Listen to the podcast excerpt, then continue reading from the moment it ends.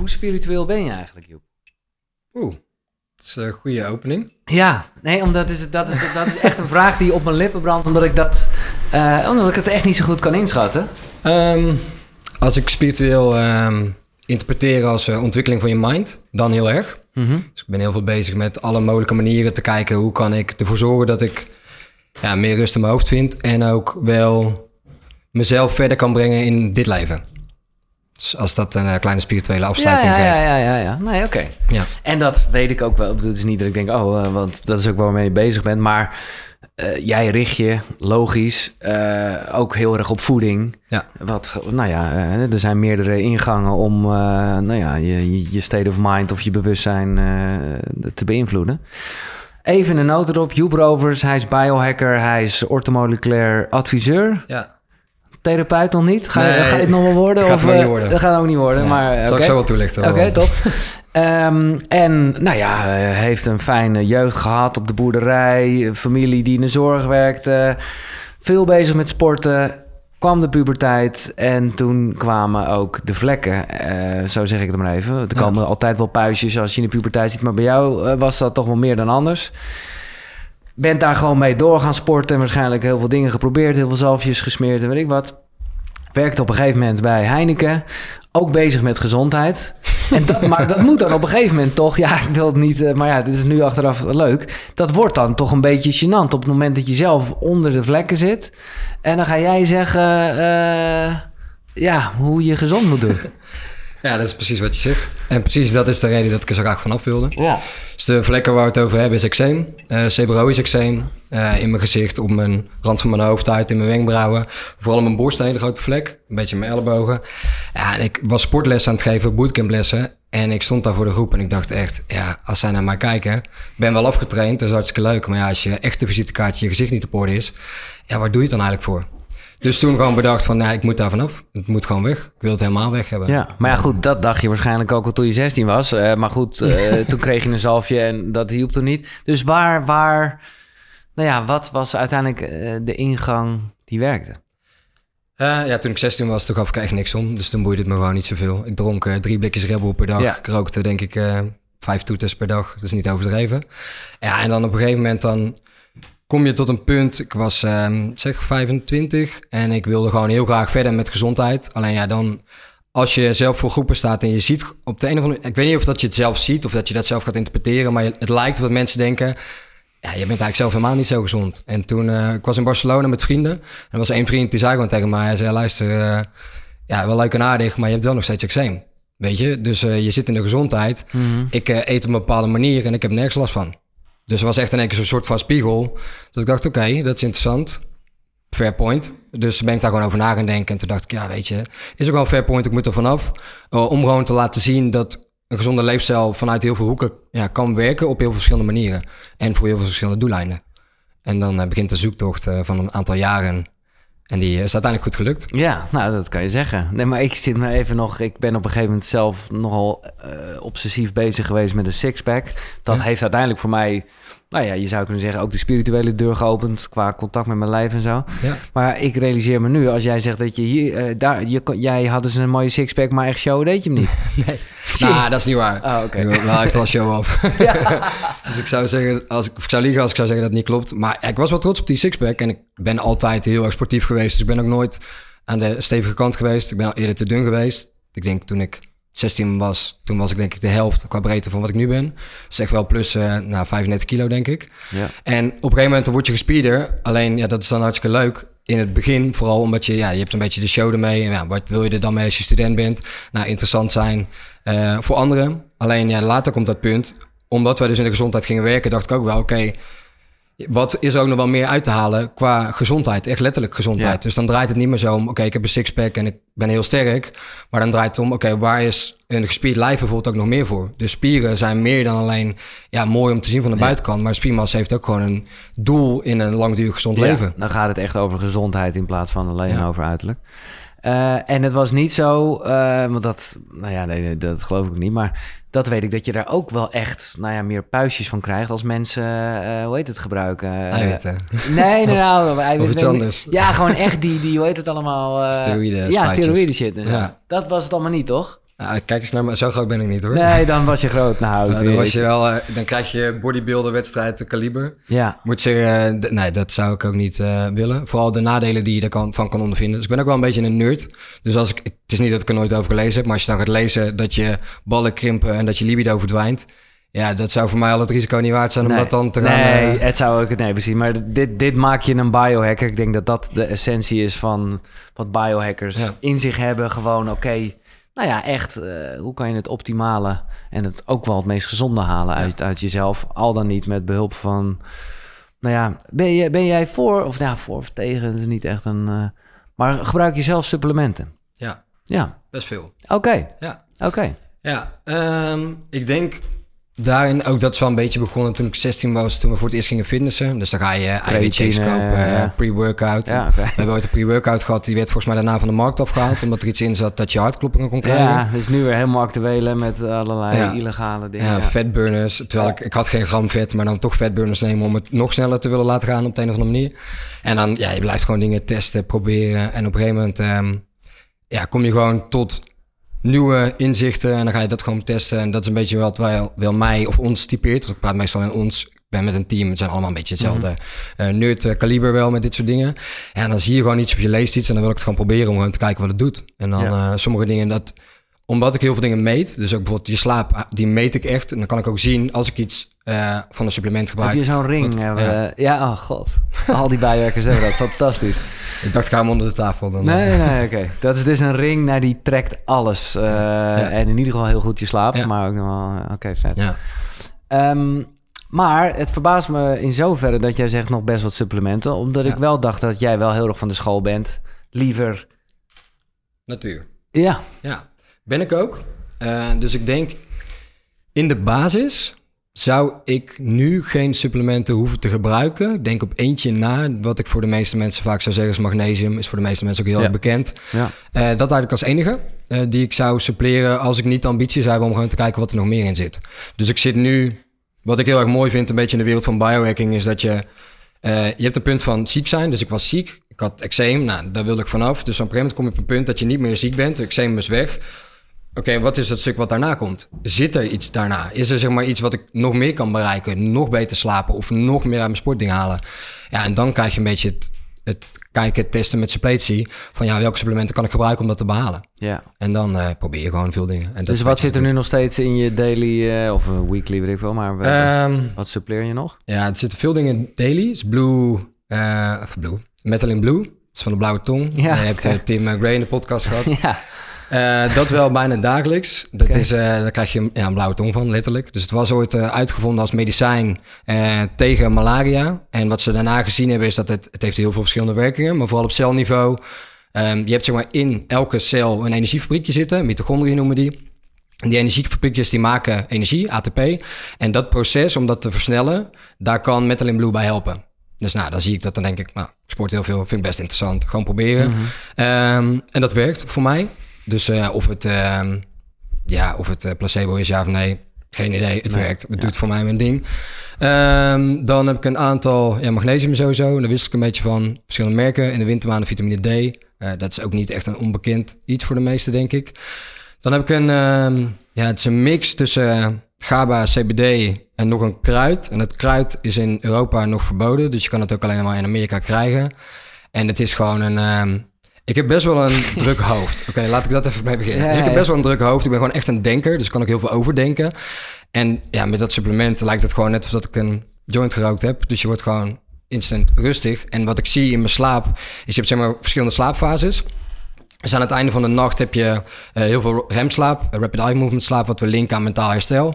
En ik zie gewoon als ik dat neem als supplement s'avonds, dat mijn remslaap ook omhoog schiet. dat zie je door je ring, Dat hè? zie ik door mijn ring. Ja. Ja. remslaap is ook eh, de fase van de nacht waar dat mannen meer testosteron aan kunnen maken. Nou, dat is voor mij dan weer interessant, want dat kan ik ook weer voor iets anders gebruiken. Verder glycine, creatine, echt al jaren. Dus ik kan me niet herinneren dat ik dat niet... als Sommige mensen zeggen, want het is in de, in de, in de sportschoolwereld zou ik maar zeggen, of crossfit wat je doet, eh, dat, het- dat je soms ook even beter kan stoppen. Dat je weer even weer... Ja. Ja, ik soms moet, wel, soms niet. alle vakanties gebruik ik echt om met te stoppen met alles. Ja, ja, dus dan neem ik bijna ook nooit iets mee. Behalve als ik moet vliegen, dan neem ik wel Metal in Blue mee. Omdat het dan gewoon, het is makkelijker om daarna zuurstof op te nemen in de cellen. Nou, als je in de lucht zit, iets wat er niet veel aanwezig is, is zuurstof. Zeker niet Ja. voor je cellen. Eh, en magnesium neem ik dan mee en de rest niks. Nee. En dat is dan vaak voor mij gewoon heel eventjes afkicken eh, voor mijn lichaam om dat gewoon tot rust te laten komen. Ik denk bij heel veel dingen, net als creatine zeiden ze vroeger dat je moet laden en dat je daarna een fases moet pakken. Ja. Ja. komen er nu ook onderzoeken naar buiten die zeggen, ja, je kan het gewoon altijd blijven pakken. Ja, Ja, en het zou voor haaruitval kunnen zorgen. Ja, ik heb zo'n grote bos haar. je kan het hebben. Ja, als er een paar haar uitvallen, dan is het oké. Oké.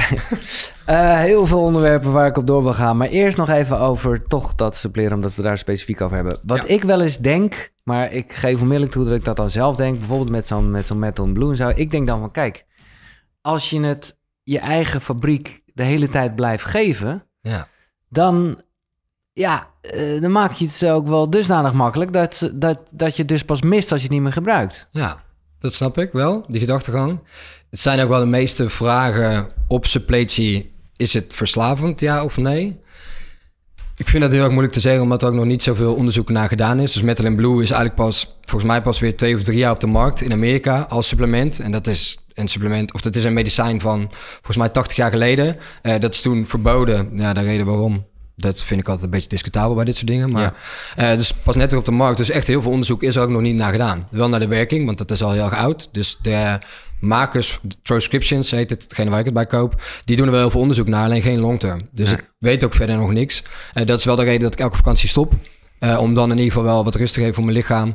En sowieso denk ik ook in vakantie heb je zoveel voordelen van alles wat er zit. Dus als je het hebt over de natuur. Ja, als Ja. ik op vakantie ben, meestal ben ik volledig offline. Ben je heel dag buiten, heel dag in de zon, heel dag op blote voeten. Veel in de natuur of in de zee. Ja, dat zijn allemaal zoveel voordelen. En dan heb je dat andere ook niet nodig, denk Nee. ik. En ik ben toch even nieuwsgierig als je dat wil delen in ieder geval. Wat is dan dat eh, nog eh, verboden productje eh, in Nederland? Ehm, ik ben de naam dus even kwijt. Oh. Dus ik wilde hem eigenlijk net al noemen. Oh, nee, oké. Kom Maar, misschien zo meteen wel op. maar het is niet Capi toevallig. Daar heb ik wat gedoe mee gehad met een product.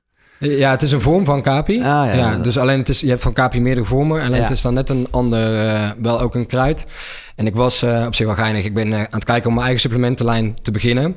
En ik dacht, dit kan je in Europa niet krijgen. Is gat in de markt. Oké. Dus ik ging naar een uh, supplementenmaker. En het eerste supplement wat ik voorlas, dit wil ik hebben. Zei hij op zijn computertje, ja, kan niet. Ja, hoezo niet? Ja, is verboden in Europa. Oh, shit. Ja, misschien wel een reden waarom dat je die niet kan kopen, omdat je het dus niet mag krijgen. Dat had ik wat beter kunnen googlen achteraf met Shambhala. Maar goed. eh, maar ik vind het mooi dat jij dit zegt. Want het was al letterlijk een vraag die ik wilde stellen. Of je dat van plan was om te gaan doen of niet. Aan de ene kant is het namelijk super logisch in wat jij doet. Ja. Eh, tegelijkertijd eh, komt er ook gelijk een soort afhankelijkheid van een eigen product. Ja, En dus ga jij dan zeggen: Oh ja, dat is echt goed voor je. ja dat vind ik dus heel moeilijk. Ja, Ja, dit, ik vind dit wel heel moeilijk. Ik denk zeker mensen die mij al lang volgen, die weten dat ik eigenlijk helemaal niet zoveel deel over suppletie. Ook niet wat ik zelf allemaal pak. Omdat ik heb best wel wat één op één behandelingen gedaan. Eh, en heel vaak kwam ik niet tot dezelfde oplossing voor hetzelfde probleem. Dus als ik een. Vaak gebruikte ik voeding als basis en leefstijl als basis. Gebruikte ik een supplement wat wel bij de ene werkte, maar bij de andere niet. En dan kan ik gewoon niet zwart op wit zeggen: je moet dit pakken, want dit is goed voor je. nee. Dus mensen die maar langer volgen, die weten dat ook wel. Alleen mensen die nu pas net zeg maar, aanhaken, ja, die zullen misschien wel straks zien, ja, dat is allemaal leuke nadenken, maar je verkoopt dit alleen maar omdat jij een eigen supplementenlijn hebt. In plaats van dat ik ga kijken, oké, wat vind ik zelf heel erg tof en waar heb ik zelf heel veel aan gehad, daar wil ik gewoon een lijn van hebben. En dat is Ja. eigenlijk meer voor, eh, Voor jezelf. ja, meer omdat Ja. ik het zelf wil hebben. Dan omdat ik, en omdat de mixen niet te krijgen zijn in Nederland. Dat vind ik ook wel een ding. Ik zoek heel veel in Amerika en in Engeland. Omdat daar gewoon, ja, sommige, vooral eh, blends van suppletie zijn daar gewoon beter te krijgen. Op een, ja, het noemen ze hogere biologische beschikbaarheid. Dus het is beter opneembaar voor je lichaam. Ja. Dat wil ik gewoon hebben. En Ja. ik wil dat voor mezelf hebben, maar ik wil dat ook voor mensen toegankelijk maken. En niet dat het je 300 euro kost zeg maar, Nee. per potje. qua import en zo. Nee. Ja. Maar goed, ik vind, ik, ik vind het wel tof dat je, nou ja, dat je dat dilemma eh, hebt. Ja. Want eh, nu houd je dat heel clean en, en dan weet je gewoon van ja, eh, tuurlijk, je hebt werkatleet en, en je geeft retreats en hebt een programma Hack Your Nutrition. Maar voor de rest ben jij gewoon Joep Rovers Ja. en deel jij je eigen reis en waarvan jij denkt of weet dat het goed is. Ja. Maar ik snap ook... Ja, ja, het is echt een dubio. En het is al Ja. heel lang een dubio geweest. We hebben op een gegeven moment wel gewoon gezegd... je blijft altijd commentaar houden van allerlei soorten hoeken. Dus zeker in de hoek waar wij in zitten, gezondheid, spiritualiteit. Ja, Ja. er is gewoon veel commentaar op. En dat zal altijd zo blijven. En als ik me daar altijd druk om moet blijven maken, eh, als iemand iets zegt, ja, dan eh, heb ik zelf vooral een heel zwaar leven, denk ik. Ja. Dus ik probeer daar ook wel ehm, ja, wat los te kunnen laten. Ik heb daar veel hulp bij vanuit mijn eigen team. Ik heb daar eh, zeg maar drie mensen die qua persoonlijkheid best wel tegenover mijn persoonlijkheid staan. Dus die me daar gewoon wel echt bij helpen om me daar gewoon rustig in te houden.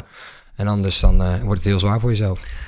Nou, het is grappig, want ik kan jou nu eh, onafhankelijk vragen iets waar ik, nou ja, wel eh, nauw bij betrokken ben eh, geweest bij een product. Wat dat, nou, op het moment dat deze podcast online is, is het ook verkrijgbaar. En dat is, daar zit nou magnesium in, dat heb je eerder al genoemd. Ja. En daar zit, ja, ik had het eigenlijk niet moeten zeggen, want nu ga je misschien niks negatiefs meer zeggen. Ik zou dit echt willen terugspoelen en alleen maar de Ja. algemene vraag willen stellen. Wat is jouw ervaring met ashwagandha? Ehm, ja, one size fits none. Dat is een beetje een eh, een kut antwoord. Maar dat is wel... Ook bij ashwagandha, als je de onderzoeken naleest... zie je heel veel hele mooie positieve verhalen. En je ziet vooral long-term wat negatieve verhalen. Dus bij ashwagandha... Ja, het is een... eh, iets wat heel makkelijk ingezet kan worden... wanneer dat mensen heel veel onrust ervaren. Ja. En vaak met succes. Eh, ik denk wel altijd parallel daaraan... als jij alleen ashwagandha gaat nemen om jezelf rustig te maken... en niet gaat kijken waarom ben ik zo onrustig... dan sla je een beetje de plank mis. Los daarvan vind ik ashwagandha echt een... vooral voor korte termijn echt super praktisch. Ja. Echt een eh, ja, magisch eh, stofje wel. Nou, wat ik er fascinerend aan vond, en ik heb het in Nieuw-Zeeland, daar koop je het gewoon bij de supermarkt. En, en, en, en een kindersnoepje zit het in en zo. En ik dacht, oké. En wat ik er echt tof aan vind, is dat het dus inderdaad dat rustgevende heeft, maar ook focus. Wat Ja. eigenlijk blijkt het haaks op elkaar te staan, Ja. maar dat, dat gaat dus wel degelijk samen. En ik zelf ja, ben gewoon heel erg eh, op zoek naar, ja, is het placebo, maakt me geen reet uit. Een middeltje wat weet. ik vlak voor mijn meditatie neem. Waarbij Ja. ik gewoon weet, ah, die smaak in mijn mond. Want ik zeg heel eerlijk, eh, het is niet lekker, maar dat vind ik ook prima.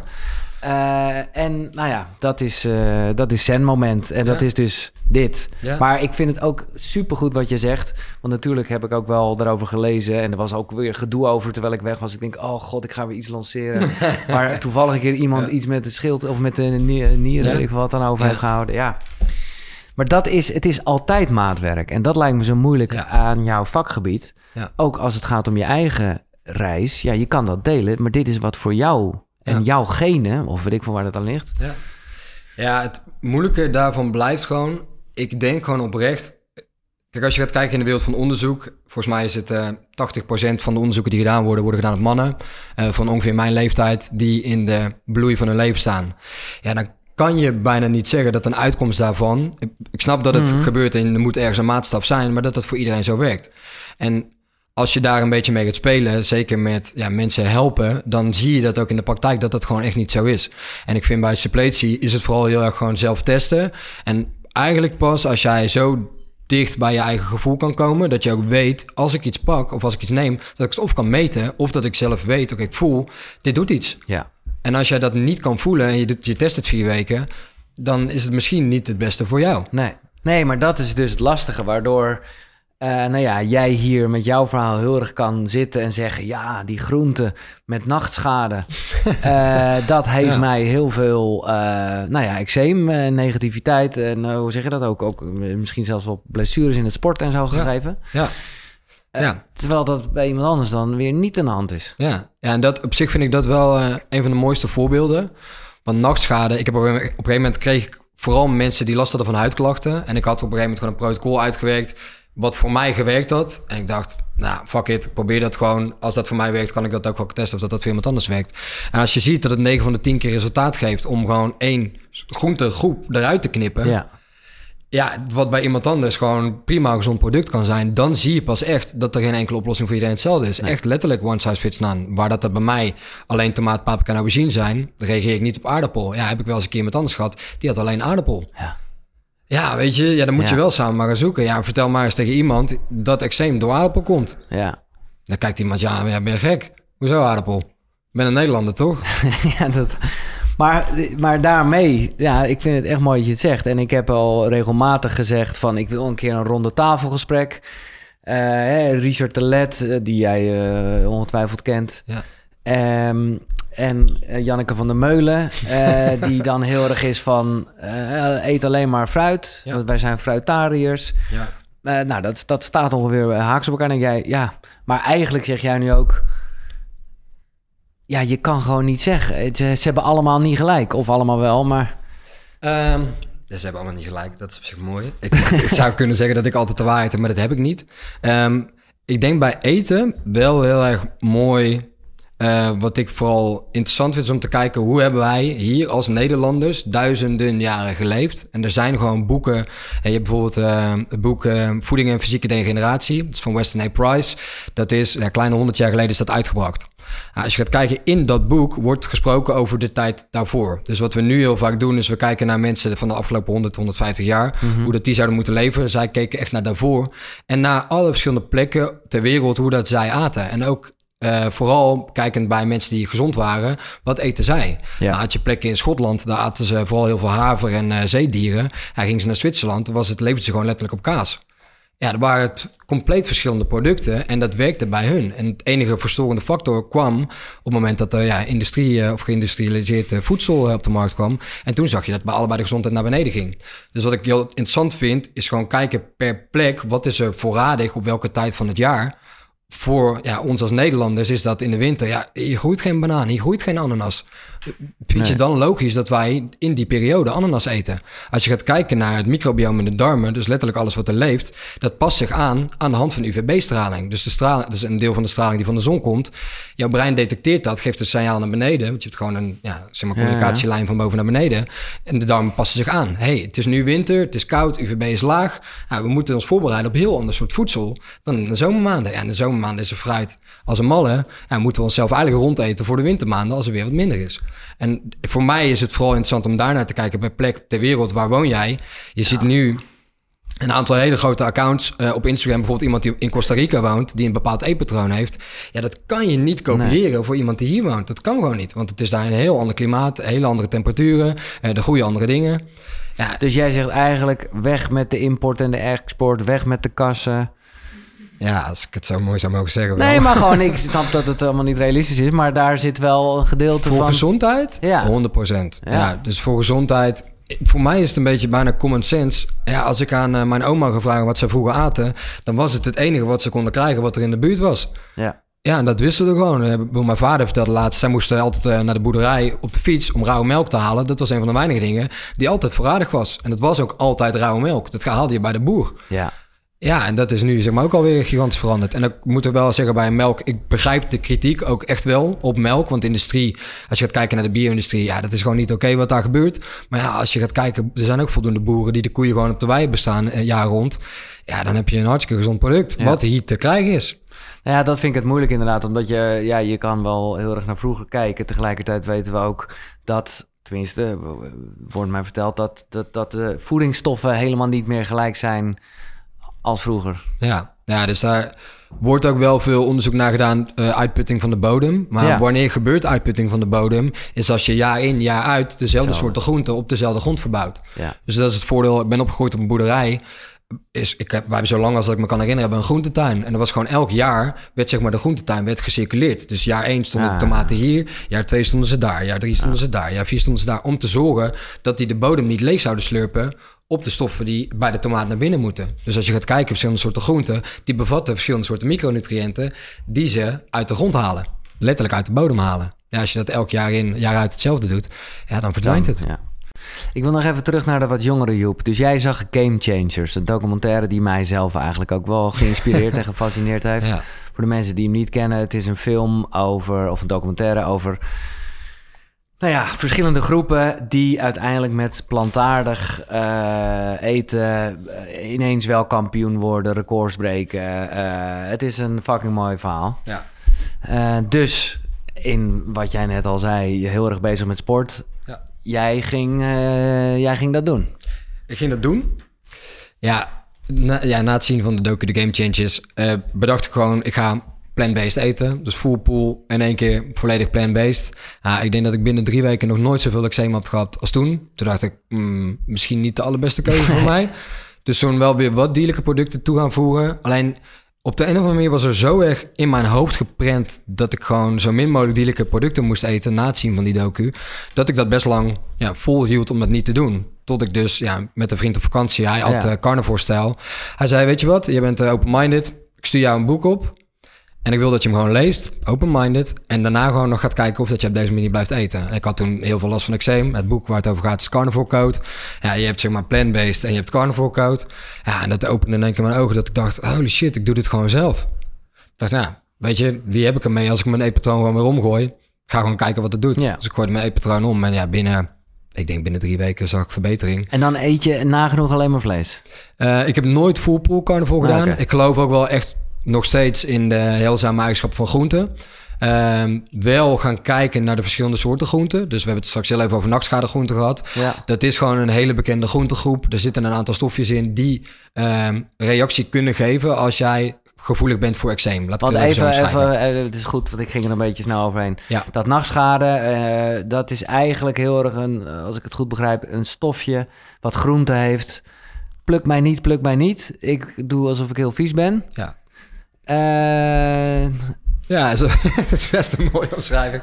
Het, is, het gaat iets verder dan dat. Kijk, hoe dat het vaak omschreven wordt, is het bij mensen en dieren, bij zeg maar, het autonoom zenuwstelsel, dat een reactie geeft van de buitenwereld als wij onder eh, levensgevaar staan. ja, Dus daarmee ga je of heel hard wegrennen of je stilstaan of knokken. Fight, flight, Eh, eh, freeze, fight, flight, freeze. Nou, en een plant heeft dat niet. Dus Nee. een plant wil ook overleven, eigenlijk totdat die rijp genoeg is om de zaadjes of vruchten die die heeft, om die te kunnen verspreiden. En dat zie je bij nachtschade zit er een, ja, een groep antinutriënten, die noemen we lectines. Dus lectines is een verzamelnaam van verschillende soorten antinutriënten. En antinutriënten, de definitie is eigenlijk... het of het blokkeren van de opname van mineralen in de darmen...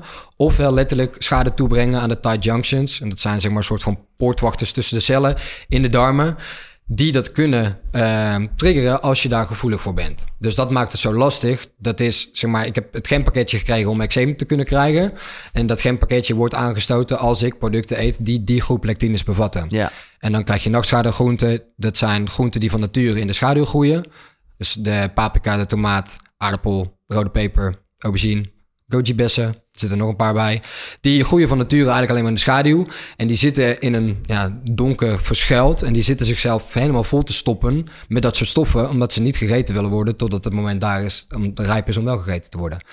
Ehm, En is het zo even voor mijn idee, oké, jij bent daar dus eh, gevoelig voor. ja. Eh, is het voor mij, ik ben er blijkbaar niet gevoelig voor, want alle groenten die je noemt, nou, die eet ik toch zeer regelmatig en vast niet altijd als ze officieel rijp zijn, zeg maar. Want het, eh, door de Ja. nieuwe manier van maken wordt het allemaal geforceerd. Maar is het voor mij dan ook niet goed? En heb ik er gewoon geen last van? Of is het, eh, ja, Ja, dat is, maakt het zo moeilijk. Ehm, het is ook heel erg afhankelijk van hoe goed jouw darmen op dit moment functioneren. Dus laten we wel even zeggen, vanaf mijn 16e dronk ik eh, drie blikjes Red Bull per dag. eh rookte ik eh, een paar joints per dag. Nou, had ik gemiddeld denk ik 10 zakken snoep per week.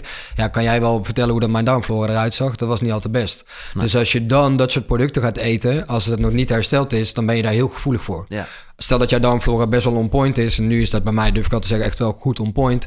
Als ik het dan een keer eet, dan kan het best wel zijn dat ik er niet op reageer. Eet ik het een aantal dagen achter elkaar, dan tast het wel weer hetgeen aan wat erin zit. En dat is bij heel veel mensen zo verschillend, is hoe dat jouw lichaam reageert op iets. Dat is echt persoonsafhankelijk. Ja. En er zijn heel veel richtlijnen nu wel voor verschillende klachtenbeelden. Dus voor eczeem is het de richtlijn, ja, haal de nachtschadegroente eruit. Ik zou het bij alle soorten huidklachten doen, eh, omdat het gewoon vanuit hetzelfde ontstaat. Eh, dat terzijde. En heb je een ander klachtenbeeld, eh, noem een ander soort ontstekingsziekte, dan kan het weer vanuit iets anders ontstaan. Weer vanuit een ander product. En het nadeel hiervan is, het zijn producten die gewoon gemaakt zijn door moeder natuur. Die, is- Ja. die in principe voor de meeste mensen hartstikke gezond kunnen zijn. in ieder geval zeker als ze eh, rijp zijn. Als ze rijp zijn. Ja. en lokaal gegroeid en niet bespoten zijn. Ja. En dan, Maar goed, sorry, ik onderbrak je, want we hadden het eigenlijk over. fuck. Mm, en toen dacht ik, laten we nachtschade nog even duidelijk uitleggen. Ehm, ja, game changers. Oké, Oh, dus jij ging dat doen. eh, maar eh, oké, en toen ging je helemaal voor het carnivore. Niet 100% carnivore. Maar ja, het is wel heel veel vlees, toch? ja. Ja, ja, dus kan het ook eh, niet anders maken dan het is. Ik begon toen ik dit bedacht had, oké, ik ga weer dierlijke producten eten. Of vooral vlees eten. Want ik had al wel steeds meer uh, kaas en wat boter en uh, ook wel mm -hmm. vis af en toe. Uh, dus ik dacht, ik ga dierlijke producten eten. En dan ga ik gewoon alleen maar eten wat ik nodig heb voor mijn huid om te herstellen. Dus wat ik gedaan heb is gewoon kijken, oké, welke stoffen zitten daarin? Welke stoffen heeft mijn huid nodig? En toen kwam ik eigenlijk bij lever, orgaanvlees uit, dat ik dat moest gaan eten. Nou, ik ben opgegroeid op een boerderij, we hadden eigen schapen, eigen dieren. Ja, is niks nieuws. Dus als je op een boerderij opgroeit, het is gewoon Eet eten, alles. Wat, eten ja. wat de pot schaft. Ja. Dus ook lever had ik gewoon leren eten. En als je het de eerste keer eet, dan denk je echt, gaat verdamme. Maar ja, dat was voor mij dus niet meer, want ik kende het al. Toen ging ik dat eten en toen merkte ik gewoon dat het daar goed op ging. Toen dacht ik, oké, dan wil ik wel gewoon kijken wat er nog meer in zit. Toen op een gegeven moment wel echt wel flink richting carnivore gegaan. Dat wil zeggen, sowieso dagelijks vlees, vaak wel twee keer per dag. Uh, vaak in de vorm van steak of orgaanvlees. Um, altijd ontbijten met rauw gefermenteerde zuivel. Veel verschillende soorten kazen, vooral rauwe kazen. Heel veel boter, uh, rauwe melk, uh, heel veel fruit, wat in het seizoen was. En nog maar minimaal groenten. En dan de groenten alleen maar gefermenteerde groenten.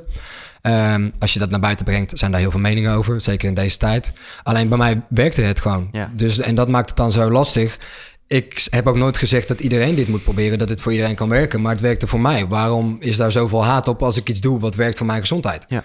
En dat is heel lastig. En ik moet zeggen dat ik dat nu wel goed een plekje heb kunnen geven. En ik heb ook respect als iemand een ander patroon heeft. Ja, moet je vooral zelf weten als dat werkt voor jou. is oké. Okay. En hoe, dat brengt me weer bij de allereerste vraag. Want ik ben gewoon iemand die graag alles wil proberen. Daarom vind ik uh, sowieso de hele biohacker-wereld en al de gesprekken die ik voer voor Koekroe waanzinnig interessant. En dan ga ik weer zo'n retraite doen en dit, dat. Echt top. Uh, en ik heb natuurlijk ook wel vaker gehoord over dat carnivore. Uh, en ik denk, god, hé. Maar het staat me gewoon best wel tegen vanuit een meer, ja, toch spiritueel gevoel. Dat ja. ik denk van, ja, laten we niet... Maar dat heb ik, ik bedoel, uh, ik eet ook wel weer vis. Dus ja, dan weet ik ook dat die vissen niet uh, in alle vr vrijheid zijn uh, dood nee. gegaan. Maar is dat iets wat, wat, wat bij je speelt? Of, of is, is, nu niet meer. Nee. Nee. nee, dat was in het begin wel heel erg. En ik heb de docu Seaspiracy ook gekeken. Ja, ja bijvoorbeeld. Ja, dat Best kan... wel intens. Ja. Alleen ook dat, dat zijn ja, documentaires van één kant belicht. Van één kant van de wereld wat niet hier is. Uh, ik betwijfel ook of dat, dat hier precies hetzelfde eraan toe gaat. Durf het niet te zeggen hoor, maar... Um, alleen... Nou, nog even toch over die game changers. Daarin ja. zag, zei jij in een Instagram post... en dat vond ik, voelde ik me echt genaaid... dat daar nog wel een soort dubbele agenda was. Ja, ja. Ja, dit, is wel mooi. dit vind ik dus heel erg Als je dat eenmaal gaat zien, dan kan je het ook niet meer niet zien. En dan zie je het ook in één keer overal. Is gewoon de Game Changers werd gefund door twee mensen die tegelijkertijd, dus net voordat die docu live ging, volgens mij was het drie, vier weken daarvoor, uh, 140 miljoen dollar investeerden in een plant-based protein soort. Waar dat onder andere uh, Beyond Meat gebruik van maakt om hun producten te verkopen. Ja, je ziet die documentaire komt uit en binnen drie weken, poep, schieten die... Uh, ja die prijzen van plant-based protein schieten door het plafond. Ja, naïef kan je nog denken, dat is nou eenmaal hun missie toeval. voor het leven. Nou, nee, puur toeval. Ja. Maar goed, als jouw missie is om de wereld meer plantaardiger te maken... Ja. ja. dan maak je daar en een documentaire over en een product. Maar ik Ja, snap... super slim. Ja. ja, ik denk gewoon dat het een hartstikke slimme conflict of interest... en heel ja. goed gespeeld. Met heel veel succes. Ik moet zeggen dat het succes wel bijna klaar is. Als je nu ziet, keldert het echt heel hard naar beneden. Het, het, het, het Plant-based protein, ja. Ze was toevallig een aantal dagen kwam van Beyond Meat naar buiten dat ze, volgens mij is het, in de afgelopen vijf jaar bijna 80% gekelderd zijn. Uh, dat is omdat het weer de andere kant op gaat. Kijk, als mensen een aantal jaar zo eten en ze worden ziek. Bij mij was het binnen drie weken. Ja, ik weet gewoon echt. Ik zat gewoon helemaal onder de rode schilferige ja. vlekken. Ja, dan zie je wel. Dit dat is niet goed voor mij. Maar nee. bij sommige mensen duurt het wat langer voordat dat komt. Of bij sommige mensen die geloven er zo heilig in. En dan, ja, een keer krijg je een spiegel voor je. Dat het misschien niet de beste is. Als je, vooral als je ziek wordt. Dus als ja. je heel goed op gaat. Ja, be my guest, blijf lekker eten. Ik vind eten. het zo lastig, Joep. Ik voel me soms echt een stuk elastiek. Dat naar alle kanten wordt getrokken. En, en, en want als hier iemand tegenover mij zit en die zegt ja.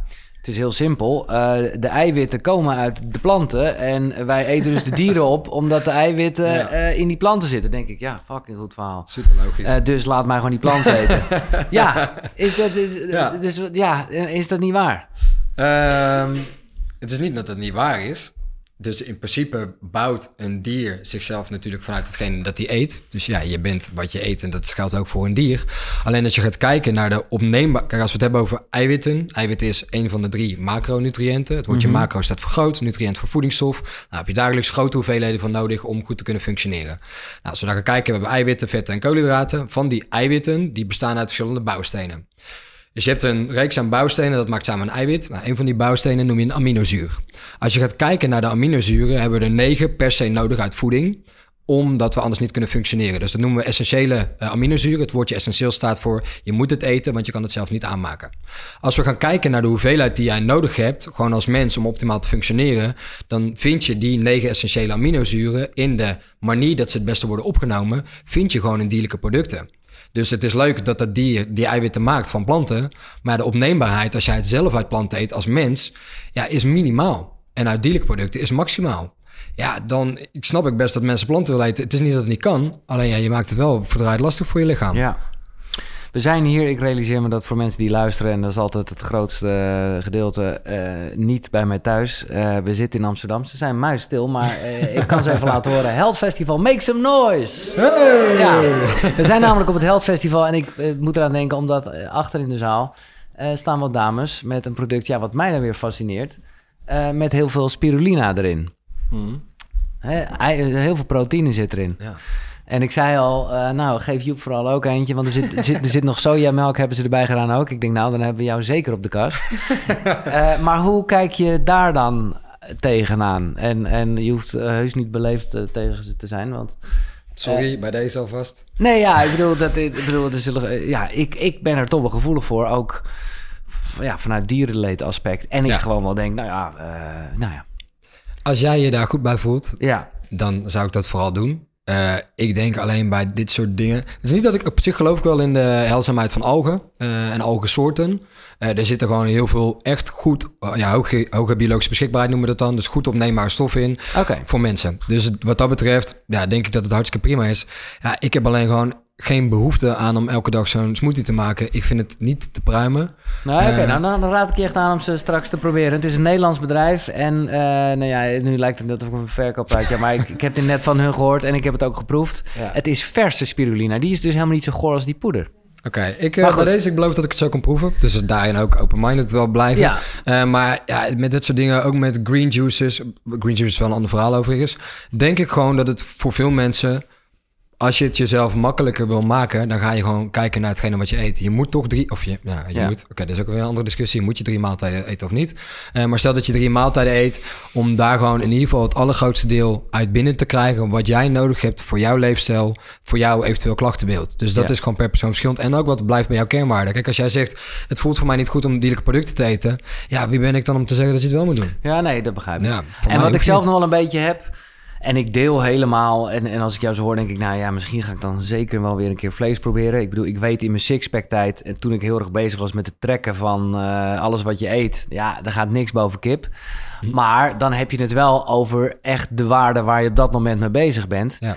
En ik heb nog altijd heel erg het gevoel dat we nog lang niet alles weten. En dan vind ik al die leuke, vage gekleurde groentes en fruit. Ja. Dan denk ik, ja, daar zitten echt dingen in uh, die heus niet in een koe of een kip of een uh, ding ja, zitten. eens. Oh, wel mee eens. Ja, dat is, dat is ook een van de redenen. Ik ben ook weer meer groenten gaan eten. Ook wel, ik geloof wel echt gewoon in de helzaamheid van groenten. Er zitten gewoon stoffen in die je niet in vlees kan vinden. Verschillende soorten fytonutriënten, ja, die zitten gewoon niet in vlees. Nee, nee. Dus daarin, waarom zouden we niet gewoon het beste van alle werelden samen combineren?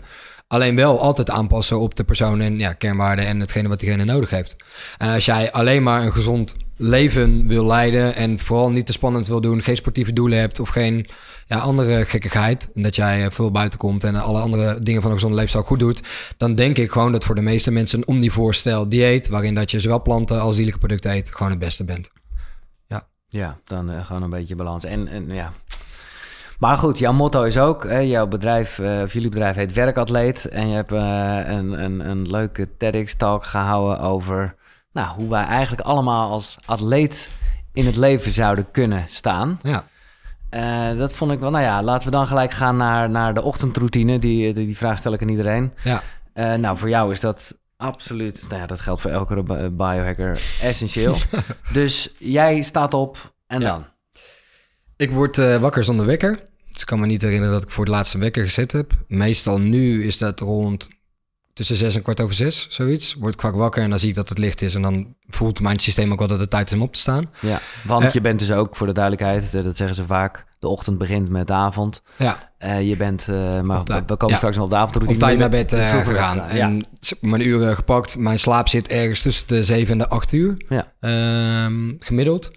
Word ik wakker, ben ik eigenlijk ehm, goed uitgerust. Dan eh, eigenlijk altijd meteen twee glazen water, waarvan één met Keltisch zout. Dan koude douche. Dan na de koude douche, dan staat mijn hond echt te springen dat hij eh, wil rennen.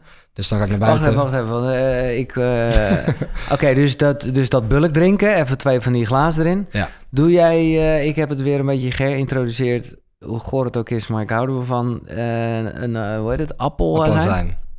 Ja. Wat is de reden dat je het doet?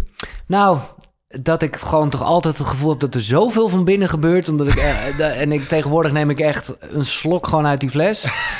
En dan denk ik, zo hé, dat is heftig. Ik ben gewoon gelijk wakker en eh, ja. Ja, dat is een mooie, eh, interessante reden. Ja, Ehm, nee, ik doe het niet. Geen appelazijn. Kijk. Dus, ja, geloof ik wel in de heilzaamheid ook van appelazijn. Alleen denk ik, als je er praktisch gebruik van wil maken, wat appelazijn doet, is het heeft een zuurgraad die lijkt op de zuurgraad van de maag.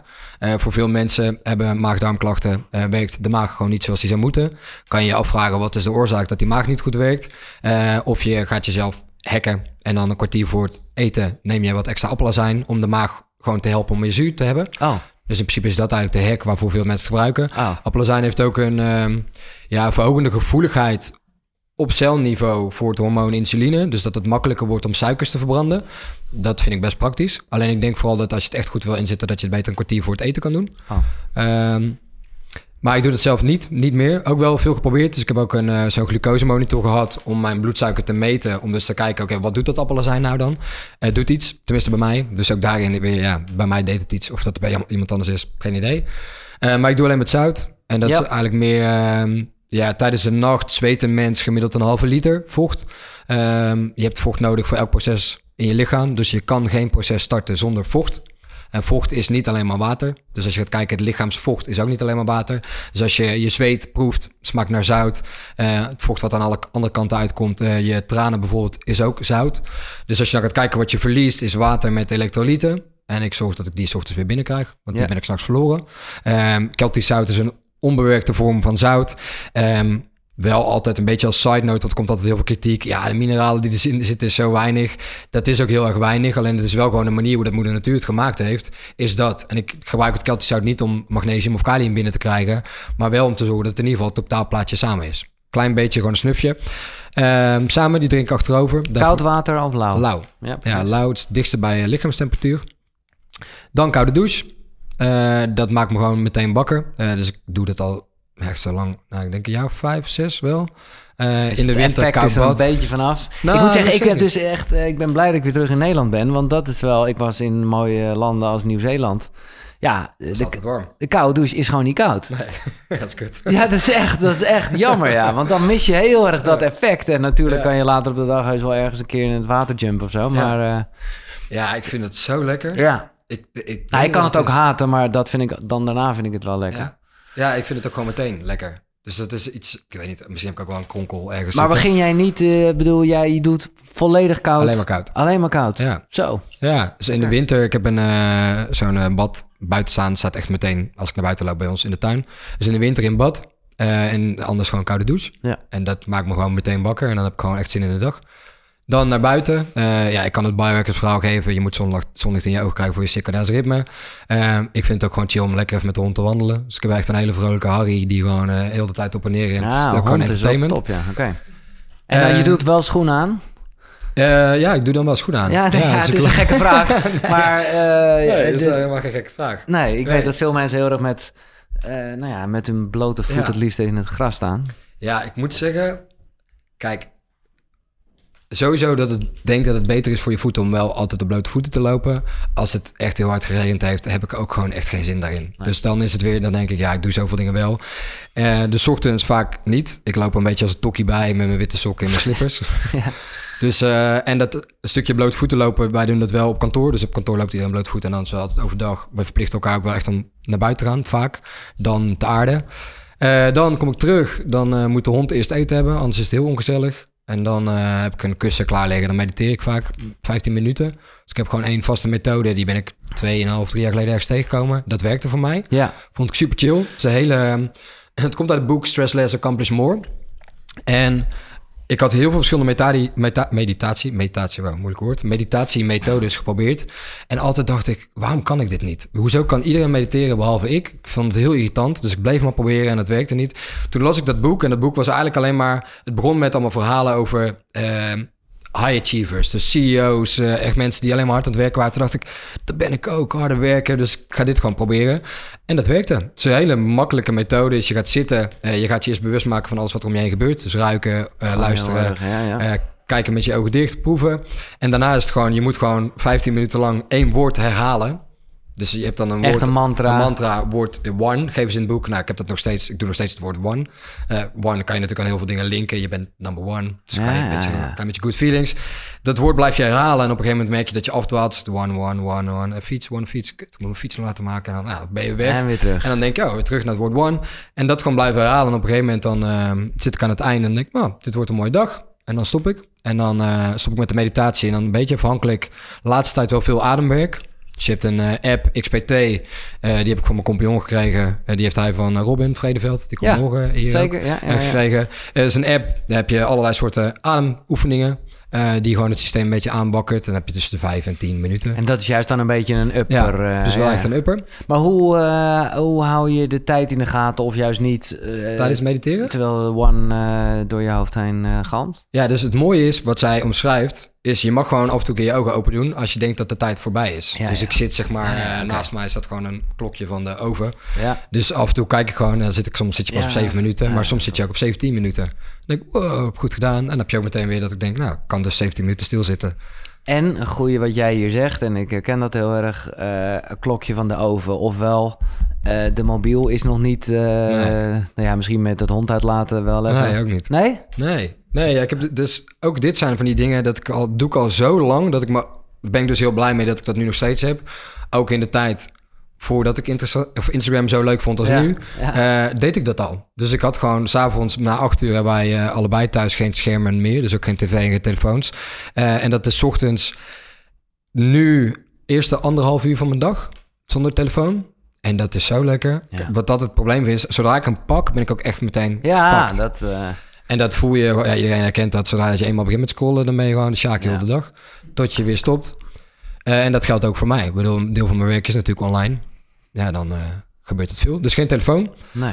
En dan na het ademwerk, dan eh, ben ik vaak wel klaar om te beginnen met werken. Dus ik heb, ja, ik woon zelf in de stad, Den Bosch. En ons kantoor zit aan de rand van de stad. Dat is echt wel mooi in de natuur. Dus dan ga ik naar kantoor. Ik wil zeggen, dat is ook een bewuste keuze geweest, hè? Om hier Ja. uit Amsterdam weg te gaan. Ja, ja dus ik woonde in Amsterdam. Eh, ik heb eh, drie jaar in Amsterdam gewoond. Eh, twee verschillende plekken. Eerst in Nieuw-West en naar Zuid. Ja, ik vond Amsterdam fantastisch. Vooral voor het leven dat ik toen had. Dus het was Ja. heel veel feesten. Ja, dan is Amsterdam geweldig. Alleen als je een bedrijf wil bouwen. Mijn compagnon die woon- woonde toen in Den Bosch. Ja, je wil samen een bedrijf bouwen. En voor mij merkte ik, ik wil liever gewoon op zaterdag gaan sporten. Ja, als je dan op vrijdag naar de kroeg gaat, ja, dan werk ik niet op zaterdagochtend sporten. Eh, dus toen op een gegeven moment gewoon bedacht, weet je wat, ik ga gewoon full pool inzetten op bouwen van ons bedrijf samen. Dus ik verhuis gewoon terug. En Ja, eh, ik kom daar vandaan, dus voor, mij is die stap ook natuurlijk niet zo klein. Nee. Eh, en ik vind het nog steeds heerlijk om Amsterdam binnen te rijden. En ik vind het ook heerlijk om weer weg te rijden. ja, ja, ja, nee, Ja. dat heb ik ook, maar ja. Nee, en ik eh, nu, eh, want ik had wel eh, gewoon een beetje ja, onderzocht wat jouw routine was. En toen dacht ik echt dat je gelijk naar die koude douche je meditatie inging, wat ik wel eens geprobeerd heb. Maar dan, oeh, dan ben ik wel, maar daar zit nog even een hond uitlaten tussen. Ja. Dus dat Ja, maak je dan wel wat rustiger. ja.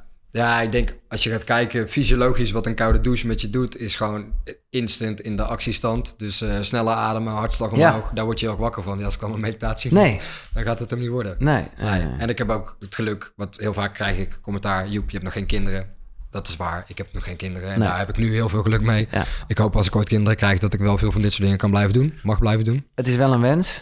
Zeker, Ja. ja. En, en, en eh, die ga je rauwe melk geven eh, en al die shit. Nee, dat vraag ik me Ja, oprecht af. Dit is eh, geen advies, maar mijn kinderen gaan straks rauwe melk krijgen. Ja, Ja. ja, mijn kinderen gaan in principe het eetpatroon wat ik nu heb. En ik zeg dit eigenlijk elk jaar, dus dat klopt ook niet helemaal. Toen ik vegetarisch was, dacht ik ook dat dat voor de rest van mijn leven was. Maar uh, het epitoom wat ik nu heb, geloof ik wel echt dat dat een solide basis is voor ook wel kinderen. Ook voor als je een kinderwens hebt. Mhm. Uh, dus Om, uh, ja, ja. om gewoon de hormoonhuishouding in een vrouw gewoon optimaal te laten werken. Ook voor de ontwikkeling van de voetus geloof ik echt wel dat dit epitroon het beste is uh, op dit moment. Met de kennis die ik nu heb. ja. En daarom zeg ik ook altijd, ja, het is geen advies. Dit is de kennis die ik heb en waarvan ik geloof dat dat het beste is. Dus als mijn vriendin straks zwanger wordt, gaat ze wel producten als rauwe gefermenteerde zuivel nog steeds krijgen. Ja. En dat is dan een bewuste keuze die wij samen maken. En eh, ga je wel gewoon met ze naar de Mac? Ja. Ehm, ik denk het wel. Ik zou liegen als ik zou zeggen dat het niet Nee, zo ja, het is meer Ja. dat ik, en ik weet en ik weet helemaal niet wat de status is hoor. Maar Ja. ik, uh, Duitse, Duitse Cruise, ik weet dat die heel erg hun kinderen zonder suiker en ja, Ja. fucking goed. Ja. Maar ik dacht wel van, er komt een dag, dan gaan ze naar een kinderpartijtje. Nou, dat, is, dat gaat helemaal mis, joh. Ik denk niet dat je het tegenhoudt. Dus, Nee. eh, en eh, ik denk ook wel ergens dat het gewoon prima kan zijn om een keer troep in je lichaam te krijgen. Ik heb ook nog steeds wel af en toe een keer... Ik ga toevallig eh, over twee weken ga ik drie dagen met mijn hotelschoolvrienden op vakantie. Ja, dan ben ik drie dagen niet per se de joep die ik eh, de rest van het Nee, jaar precies. ben, zeg dan maar. is het gewoon rode wijn, here we go. Ja, en dat is ook oké. En dan, ja, bedoel, wij eten, we hebben allemaal gelukkig wel heel erg passie voor goed eten. Dus dat, daarmee zit het gelukkig wel goed. Maar ja, als dat niet zo was geweest, dan had ik mezelf daar op zich ook wel een paar dagen in aangepast. Ik denk ook dat dat gewoon oké is. Kijk, het leven, ja, heel vaak wordt gezegd, het is called balance. Voor mij is de balance wel heel hoog standaard, heel hoog in gezondheid. Ja. Dat wel echt, en denk ik wel dat het prima is om af en toe gewoon een keer te denken, fuck it. Denk jij, ehm, dan begin ik toch weer met de eerste vraag over spiritualiteit. Ja. Er zijn ook genoeg mensen die denken, ja, eczeem, dat is gewoon een uiting van stress. En van eh, hè, gewoon niet lekker in je vel zitten. En, en in hoeverre, hè, dus dat gaat bijna voorbij aan wat je eet of niet. Ja. Ehm, het mooie is, ik geloof hier dus wel heel erg in. Ehm, dat ik ook gewoon bij heel veel verschillende soorten klachten, beelden, echt wel geloof dat het kan helpen. Ik denk alleen bij eczeem dat het niet je eerste oplossing zou moeten zijn om te kijken naar stress. Ik geloof echt wel dat stress impact heeft, maar vooral stress heeft fysiologisch gezien impact op het opnemen van voedingsstoffen. Dus als jij in de nou, zogeheten stressstand zit, eh, als we het hebben over dan vaktermen, dan heb je het over het sympathisch zenuwstelsel, zit je in het stressstand. In die staat van zijn is jouw lichaam bezig met overleving en overleving alleen. En als jij bezig bent met overleven, ja, is het totaal niet logisch om je energie te verdelen in het lichaam naar de spijsvertering en naar een aantal andere processen. Dus wat doet je lichaam? Ja, het is gewoon op pauze. Ik ga mijn energie gebruiken om ofwel, dan krijg je weer fight-flight, ofwel te knokken ofwel hard weg te rennen. Dus jouw darmen worden zeg maar de werking daarvan wordt geminimaliseerd om ervoor te zorgen dat jij eerst kan overleven voordat je weer kan eh, jagen en eten kan gaan verteren. Dus wat je daarin heel erg ziet is dat de maag gewoon minder goed functioneert. Dus vaak mensen die heel hoog in stress zitten herkennen ook klachtenbeelden vanuit de spijsvertering. Dus vanuit de maag, vaak buikpijn, krampen, opgelaten gevoel of vanuit de darmen. Ja, als je ziet dat voedingsstoffen minder goed worden opgenomen, ja, wat heeft je huid nodig? Is Ja. ook voedingsstoffen. En Ja. de huid heeft maar een hele dunne beschermlaag. Ja, als die niet beschermd wordt, ja, dan is hij heel gevoelig, heel kwetsbaar.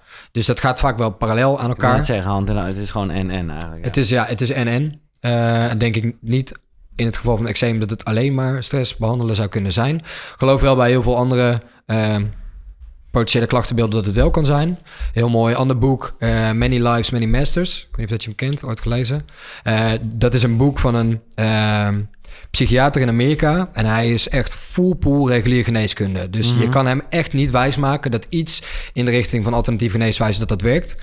Tot hij een cliënt krijgt die niet geholpen wordt door hem. En hij is zeg maar echt top of the bill. Een van de beste psychiaters die er waren.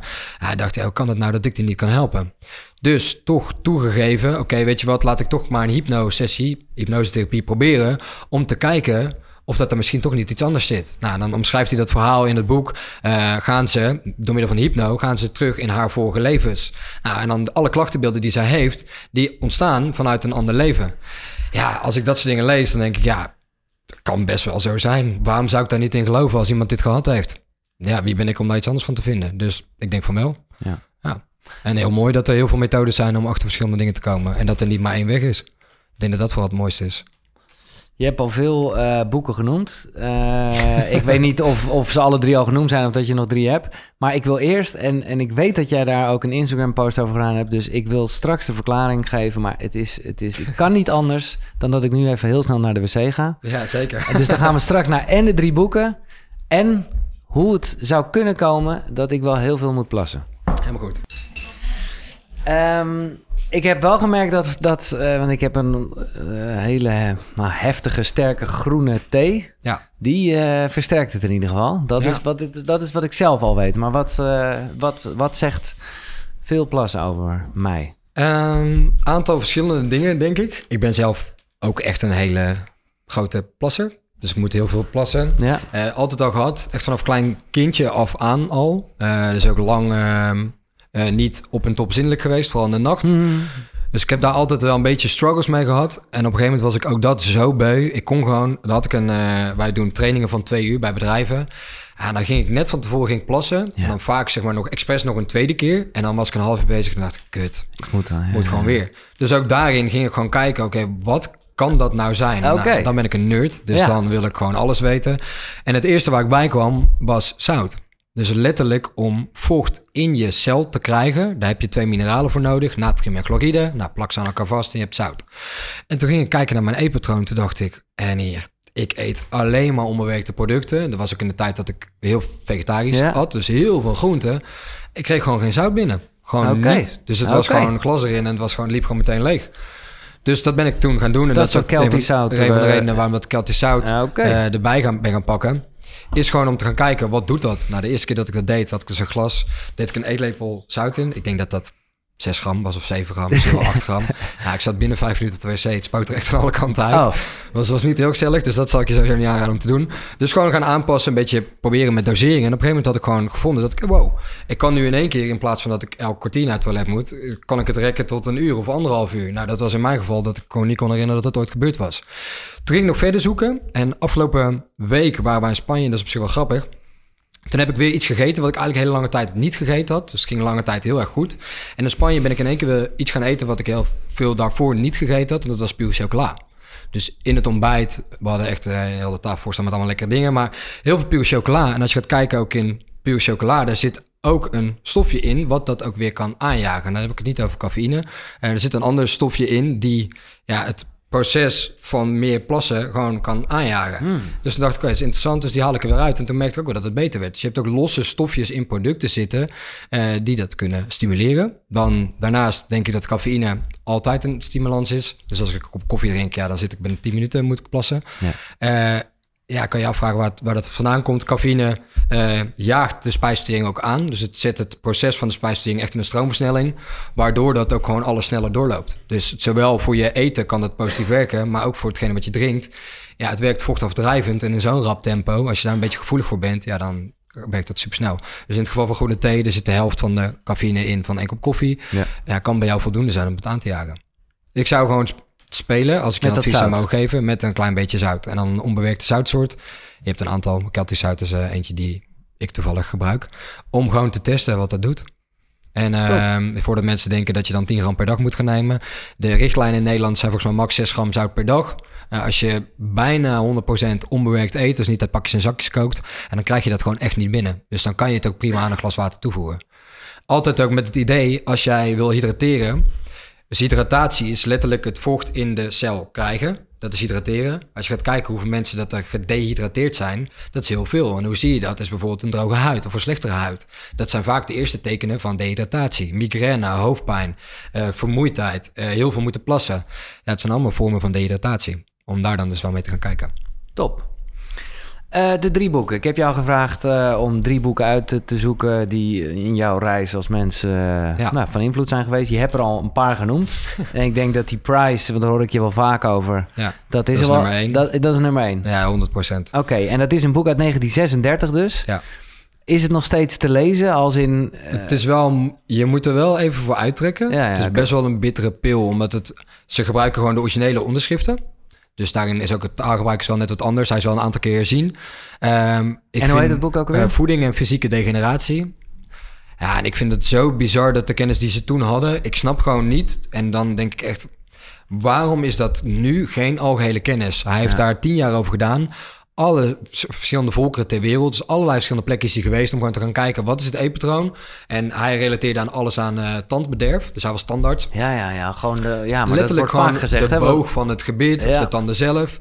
Ja, gewoon kijken. Zij eten dit. Hier komt maar 0% eh tandbederf voor. Gewoon niet. En ze hebben geen tandenborstel, geen tandpasta, niks. En dan denk ik, ja, het is allemaal leuk en aardig dat we hier eh moord en brand schreeuwen dat er zes keer per dag tanden gepoetst moeten worden met fluoride. Waarom is dat dan daar niet? En wij eten dan misschien net iets anders. Dus misschien kunnen we daarvan leren. Dus dat is echt wel een van de... Ja, dat heeft mijn ogen in ieder geval Ja. zo erg geopend dat ik dacht... eh, Ook mijn, dat vind ik dus ook wel grappig. Laatst aan mijn oma gevraagd. Mijn oma is eh, 94. eh, dat ze gewoon vroeger kregen ze lepeltjes levertraan. Dat wordt dus Ah, in dat boek wordt dat omschreven. Maar dat is natuurlijk haar tijd dat zij opgroeide als kindje. Ja. Er werd gewoon in de rij gezet en er werd gewoon een lepel levertraan ingegoten. Om te zorgen dat tanden niet bederfden. Ja. Ja, dat vind ik gewoon bizar. En is het zo dat jij eh, ook op andere manieren dan de meeste Nederlanders eh, je tanden poetst? Ik poets wel gewoon mijn tanden twee keer per dag, voordat iedereen dadelijk eh, op Nou ja. afstand blijft. Ehm, maar ik gebruik over het algemeen fluoridevrije tandpasta. Oké? Ehm, ik heb hier laatst heel veel commentaar op gekregen dat ik dit Tuurlijk. deelde. En ook dat is oké. Als je gaat kijken, fluoride, waar het vandaan komt, het is een afvalproduct van de aluminiumindustrie. Eh, het versterkt tandglazuur, dus dat kan je zwart op wit zeggen. Alleen je kan je afvragen, zijn er geen andere dingen die mijn tandglazuur kunnen versterken? Of kan ik niet op een andere manier eten om te zorgen dat mijn tandglazuur gewoon niet aangetast wordt? Nee. Nou, als je dus gaat kijken wat het aantast, zijn dat zuren en suikers die te lang in de mond blijven zitten en daarmee zeg maar de zuurgraad zo erg naar beneden trekken dat het tandglazuur wordt aangetast. Dus ik zorg daarin gewoon dat ik precies al die voedingsstoffen binnenkrijg, dat volgens Western Price protocol eigenlijk. Ehm, ja, dan kom je bij alle vetoplosbare vitamine en eigenlijk twee mineralen, dus calcium en fosfor. Ik zorg gewoon dat ik die heel veel binnenkrijg en dan poets ik mijn tanden eigenlijk meer voor de eh, smaak van het fris Ja. zijn. Ehm, Maar niet met het houtskal, dat ben ik zelf nu een beetje doen. Ja, heb ik ook wel gedaan, maar vond ik niet zo chill. Nee. En ik vind ook wel, tandenpoetsen moet ook wel iets chills zijn of zo. Dat het een lekker fris gevoel heeft. Eh, en dan tongschrapen wel altijd. Orenpoeling heb ik geprobeerd, maar dat, dat ik echt, ja, de- ik ben daar echt ongeduldig voor. Oil pulling, ja, is ook zo'n Ayurvedisch... Ja, dan moet je dan een eh, kwartier, 20 minuten lang doen. Ja, en een kwartier, als ik mezelf ergens al een kwartier, 20 minuten moet bezighouden met één ding, dan eh, verdwijnt het al vaak. Dus dat. Dus ik heb gewoon een fluoridevrij tandpasta. Oké. We zullen straks nog eh, ongetwijfeld wat andere punten die omstreden zijn, maar dat vind ik juist goed om wel even de nuance eh, te benoemen. Ja. Maar eerst eh, boek 2. Boek 2, eh cyclusstrategie. Dat gaat over de vrouwelijke cyclus. dan. Ja. Ehm, is eigenlijk gekomen omdat mijn vriendin graag wilde stoppen met de pil, hormonale anticonceptie. Ik weet niet of dat ik dat aangejaagd heb, misschien wel een beetje. Eh, maar zij wilde daar graag mee stoppen en ik vond gewoon dat ik gewoon alles daarover moest weten, waar dat zij doorheen zou gaan. Eh, en zij schrijft het op een hele toegankelijke manier, hoe dat de cyclus werkt, eh, wat er mis kan gaan en wat er goed kan gaan. En ook wel wat de impact van hormonale anticonceptie daarop is. Eh, ik vind dat gewoon voor een man, als jij een vriendin hebt, vind ik dit gewoon, dit moet je dit gewoon lezen, omdat je moet begrijpen wat zij, waar zij elke maand doorheen gaat. Nou ja, eigenlijk als je geen zin hebt om te lezen, zou je kunnen zeggen eh, dat je stimuleert dat ze stopt met eh, de pil. Ja, als ze dat zelf wil, uiteraard. Ja, Nou, dat is een beetje lastig. Ja, ik, daarom zeg ik ook, volgens mij heb ik dit wel heel erg gestimuleerd. Op een nette manier, hoop ik. Eh, dat ze daarmee zou stoppen. Eh, ook wel omdat ze gewoon bepaalde dingen had. Het nadeel van mij is dat als ik iets interessant vind, dan ga ik er alles over lezen. En dan krijg je ook heel veel negatieve kanten. En ik merkte gewoon aan haar dat ze een aantal dingen had die te linken waren aan die hormonale anticonceptie. Dus ik zei gewoon letterlijk, ja, als je daarvan af wil, ja, heel eerlijk, dan moet je daar wel gewoon mee stoppen. En dat heeft heel even geduurd voordat dat bij Ja. haar zover was. En toen heeft ze daar wel de keuze gemaakt om dat te stoppen. Wat ook denk ik aan zich, nou dat weet ik wel, ook nog wel, eh, ja, zoals altijd, als je een medicijn eh, Ja. gedurende lange tijd gebruikt, dan heeft het ook zijn effect Ja. als je stopt natuurlijk. Ja, dus dat, eh, en dat is nu meer dan twee jaar geleden. En het is nog steeds niet helemaal on point. Dat is ook wel om aan te tonen dat de impact daarvan echt heel groot is. Zij heeft dat, eh, ik denk, eh, tien jaar geslikt, als ik een gok mag doen. Tien jaar lang eigenlijk eh, non-stop gebruikt. Ja, en na twee jaar is het nog niet zoals het zou moeten zijn. Ja, en dan kan je zelf wel echt, tenminste voor mij, dan vraag ik mezelf wel echt af, dan is die impact dus zo groot dat het gewoon een heel vrouwenlichaam gewoon voor twee jaar daarna nog helemaal door de war kan maken. En dit soort boeken, zoals cyclusstrategie, je hebt er wel een aantal meer, eh, die kunnen daar gewoon bij helpen om in ieder geval te begrijpen wat gebeurt er nou, waar gaat iemand doorheen en hoe kunnen we ervoor zorgen dat dit stapje voor stapje weer op de juiste plek komt. En even nog eh, terug naar ooit eh, papa Joep. Wat heel grappig is, mijn vader heet Joep. maar goed, eh, en je, je krijgt een dochter. Wat doe je als ze 15 is? Hele goede gesprekken hebben, hoop ik. ja. Dat hoop ik ook sowieso. ja, hoop maar ik. Kijk, het nadeel als een puber meisje voor de eerste keer ongesteld wordt, dus de eerste keer menstruatie heeft, dan is haar lichaam compleet van slag. En dat duurt gewoon een jaar of vier, vijf voordat eh, zeg maar de, receptoren die bijvoorbeeld hormonen zoals oestrogeen moeten ontvangen, voordat die optimaal functioneren. En dat heeft gewoon vijf jaar nodig. Ja, als je die kennis hebt, ja, dat je vijf jaar lang moet gaan strijden met een kind, dan wordt het een heel erg zwaar proces. Dus wat mijn beetje ideale toekomstbeeld is, is dat ik met mijn dochter, toekomstige dochter, daarover zou kunnen hebben. Om in ieder geval te zorgen dat alles daaromheen zo goed mogelijk werkt. Om ervoor te zorgen dat ze er zo min mogelijk last van ondervindt. Als zij haar keuze tegen die tijd wil maken dat ze het wel wil gebruiken, ja, wie ben ik dan om daar iets van te vinden? Ik bedoel, als Ja. een dochter 15 is, dan is ze ook wel oud en wijs genoeg om het zelf te kunnen kiezen. Maar denk jij, ja, dat weet ik niet. Misschien zitten wij ook gewoon een beetje in een bubbel die je rug mee bezig is. Ik vind het ook echt eigenlijk niet meer van deze tijd. Dus Nee. dat is mijn eigen.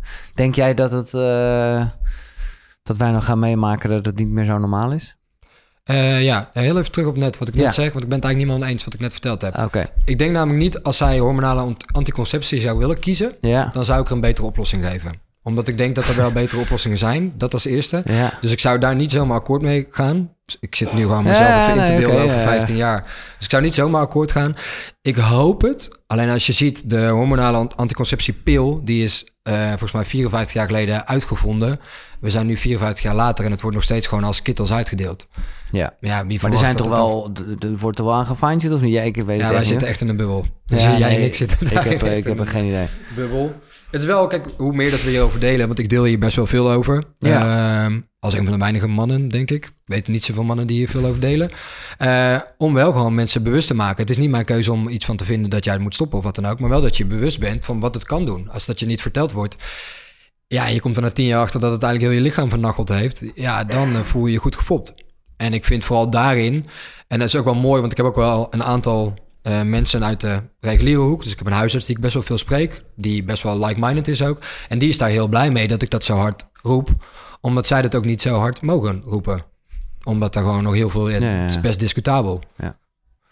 En hoe, eh, als ik dan toch even naar de andere kant eh, van het verhaal kijk, want dat betekent automatisch dat er een stuk verantwoordelijkheid bij de man komt te liggen. Ja. Als je niet heel veel kinderen wil gelijk. Ehm, en hoe zie je dat dan? Want je, ergens zou je kunnen zeggen... En ik heb ook wel sprekers hier aan tafel gehad... en dan heb je het heel erg over tantra-achtige dingen bijna. Ja, die zeggen, ja, dat is dus dan ook niet natuurlijk. Dus dan... da- ja, dan Ja, je zou het volledig natuurlijk kunnen doen. Alleen ja, ik ga het risico niet lopen. Ik heb nu Nee. nog geen zin om vader te worden, dus dan ben En ik dan bedoel jij met volledig natuurlijk gewoon in de gaten houden hoe Ja, de cyclus 100% gaat. trekken. Ja, ja. Alleen ook dat. Kijk, als je cyclus niet normaal is, dan kan je daar gewoon niet op vertrouwen. Dus Nee. je hebt wel hulpmethoden zoals Daisy. eh, is een, ja, kan je gebruiken om je temperatuur, je basale lichaamstemperatuur te meten als je ochtends wakker wordt.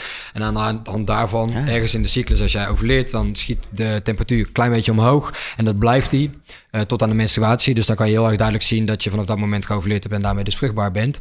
Eh, maar dan moet de cyclus wel strak zijn. En dan moet je precies weten wanneer dat, dat zou kunnen gebeuren. Wil je daar voor de 100% op willen vertrouwen?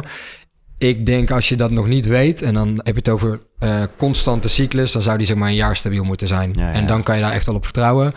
Ja, en dan nog steeds eh, kan toch per ongeluk eh, gebeuren. Ja, dus als je dat niet wil, dan condooms gebruiken. En je hebt een aantal andere dingen. Vrouwcondooms heb je ook, die Ja. ook gewoon oké zijn.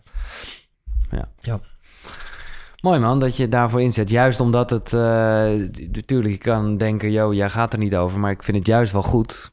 Ik heb dat zelf ook altijd gehad met... eh, nou, niet dat ik superveel vriendinnen heb gehad... maar ik vond altijd het mijn taak om te zeggen, stop ermee. Ja. Ehm, ja. Het derde boek. Het derde boek. Ehm hier heb ik heel lang over nagedacht. Ik zit zelfs nu nog een beetje na te denken. Ik denk Het Nieuwe Ademen Het James Nestor. van James Nestor. Ja. Ja, ja als je dat eh, leest en je komt er toevallig achter dat jij veel door je mond ademt, dan denk je echt, fuck, dit heb ik echt niet goed gedaan. Je had ook Jaws kunnen noemen. Ja, voor Jaws vind ik ook fantastisch. Dat is, die, is eh, alleen wel, eh, die is alleen maar in het Engels verkrijgbaar en die Ja. is wel echt best wel taai te lezen. Dus dan eh, boek nummer 4 Jaws. maar boek nummer 3 Nieuwe Adem is super toegankelijk en Ja. legt eigenlijk gewoon uit waarom het zo ontzettend belangrijk is om gewoon 23 plus uur per dag door je neus te ademen. Uh, dat heeft ervoor gezorgd, nou ook daarin zijn we een beetje nerds. Dan gaan we kijken, oké, laten we onze mond gewoon eens afplakken. Uh, S'avonds om s'nachts dan door je neus te ademen. Gewoon kijken, wat doet het?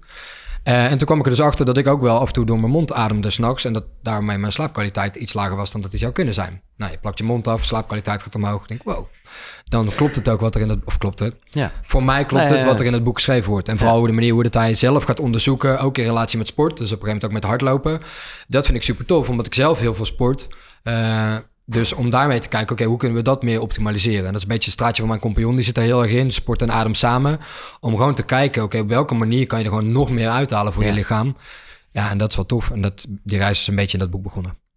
Oh, sorry, ik onderbreek eventjes uh, dit fijne gesprek. Maar dat is vanwege iets dat met boeken te maken heeft. En ja, ik hou van boeken. Ik hou van verhalen. Van lezen, maar ook van luisteren. Vooral als je onderweg bent of gewoon, uh, nou ja, weet ik veel wat aan het doen bent. En ik heb nu iets stof met de vrienden van Next Story. Daar vind je echt op die site, jongen, 300.000 boeken. Dus ook zeker de boeken die net besproken zijn. En ik mag je nu, en dat is echt wel een toffe actie, 50 dagen gratis aanbieden. Ja, die gasten die geloven gewoon wel uh, in zichzelf. Dus die denken, oké, dan hebben we ze. Maar dat kan je echt even checken. Uh, ga naar koekeroe.nl slash boekenkast. Daar vind je sowieso alle boeken die besproken zijn uh, nou ja, in de afgelopen afleveringen. En daar vind je dus ook een link. En via die link kan je 50 dagen gratis Nextory gebruiken. Check het, koekeroe.nl slash boekenkast. Is er een, een ja, life hack, noem ik het maar even, hè? zoals bijvoorbeeld door je neus ademen, waar jij later, wat je, waar je toch anders over na bent gaan denken? Waar je, waar je op terug bent gekomen of, of ja, waar je iedereen over hoort, maar dat werkt voor jou niet? Ja, plantaardig eten. Plantaardig eten. Één. Ja. Waar ik echt op terug ben gekomen en waar ik ook gewoon wel echt zeg, want ik heb dat dus ook gewoon toen echt gepredikt. Dus het is ook gewoon, uh, ik ben daarin ook echt mens en ik wissel daarin ook. Ik deel gewoon mijn reis en hetgene waar ik in geloof op dat moment. Uh, toen ik vegetarisch had, geloofde ik echt heilig dat dat de beste oplossing was. En daar ben ik wel teruggekomen dat dat voor mij niet was. Ik heb uh, met een soort bloedtest gewerkt, waar ik ook achter ben gekomen dat dat gewoon echt nepperij is. En daar heb ik echt heel veel mensen mee behandeld. En daar, ja, het is niet dat ik me ervoor schaam, maar wat ik wel heel vervelend vind, want dat wordt heel veel gebruikt als live hack, wat gewoon, uh, ja, niet is wat het zegt dat het is. Nee, oké, uh, dat is mooi dat je het aansnijdt, want ik wilde het ook wel nog benoemen. Het gaat een beetje door op wat ik al eerder zei met een bepaalde onafhankelijkheid die jij als iemand die tip ja. geeft altijd moet hebben. Ja. En het hele woord ortomoleculair is de laatste tijd een beetje, nou, zou ik wel kunnen zeggen, in een verdomhoekje gegooid als, nou, dat zijn een paar cursusdagen. Uh, sterker nog, het wordt betaald door Vitakruid en die gaan alleen maar zeggen, slik nu allerlei supplementen van Vitakruid. En dan hebben we het over een bloedonderzoek, wat gaat over ja, een energetisch bloedonderzoek. Ja. ja. Ik heb je nog nooit zo heftig horen zeggen dat het echt nepperij is. Ik, uh, dat, dat, ja, dus ja, oké, okay, ja, ik heb nu wel gezegd, ik kan het ook niet meer terughalen. het is, uh, ja. Welkom in het leven van Joep. Soms zeg ik dingen uh, nee, ik heb het wel gedeeld en ik meen het ook wel oprecht. Um, ik had zelf al mijn twijfels daarbij. Uh, omdat er gewoon een aantal dingen te vaak overeenkwamen. En ik dacht, er worden te vaak dezelfde soort supplementen voorgeschreven, veel te veel. En ik wilde gewoon richten op eten. Dus ik wil gewoon wat eruit komt, ik wil dat fixen met eten.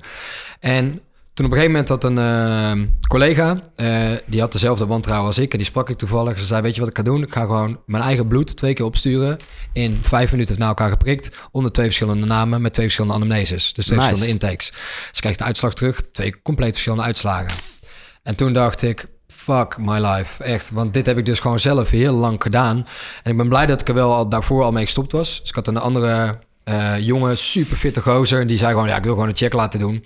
Wil even kijken wat erin zit. Nou, er stonden alle parameters stonden brood. Hij zegt, ja, Joep, dat kan gewoon echt niet. Het kan gewoon niet.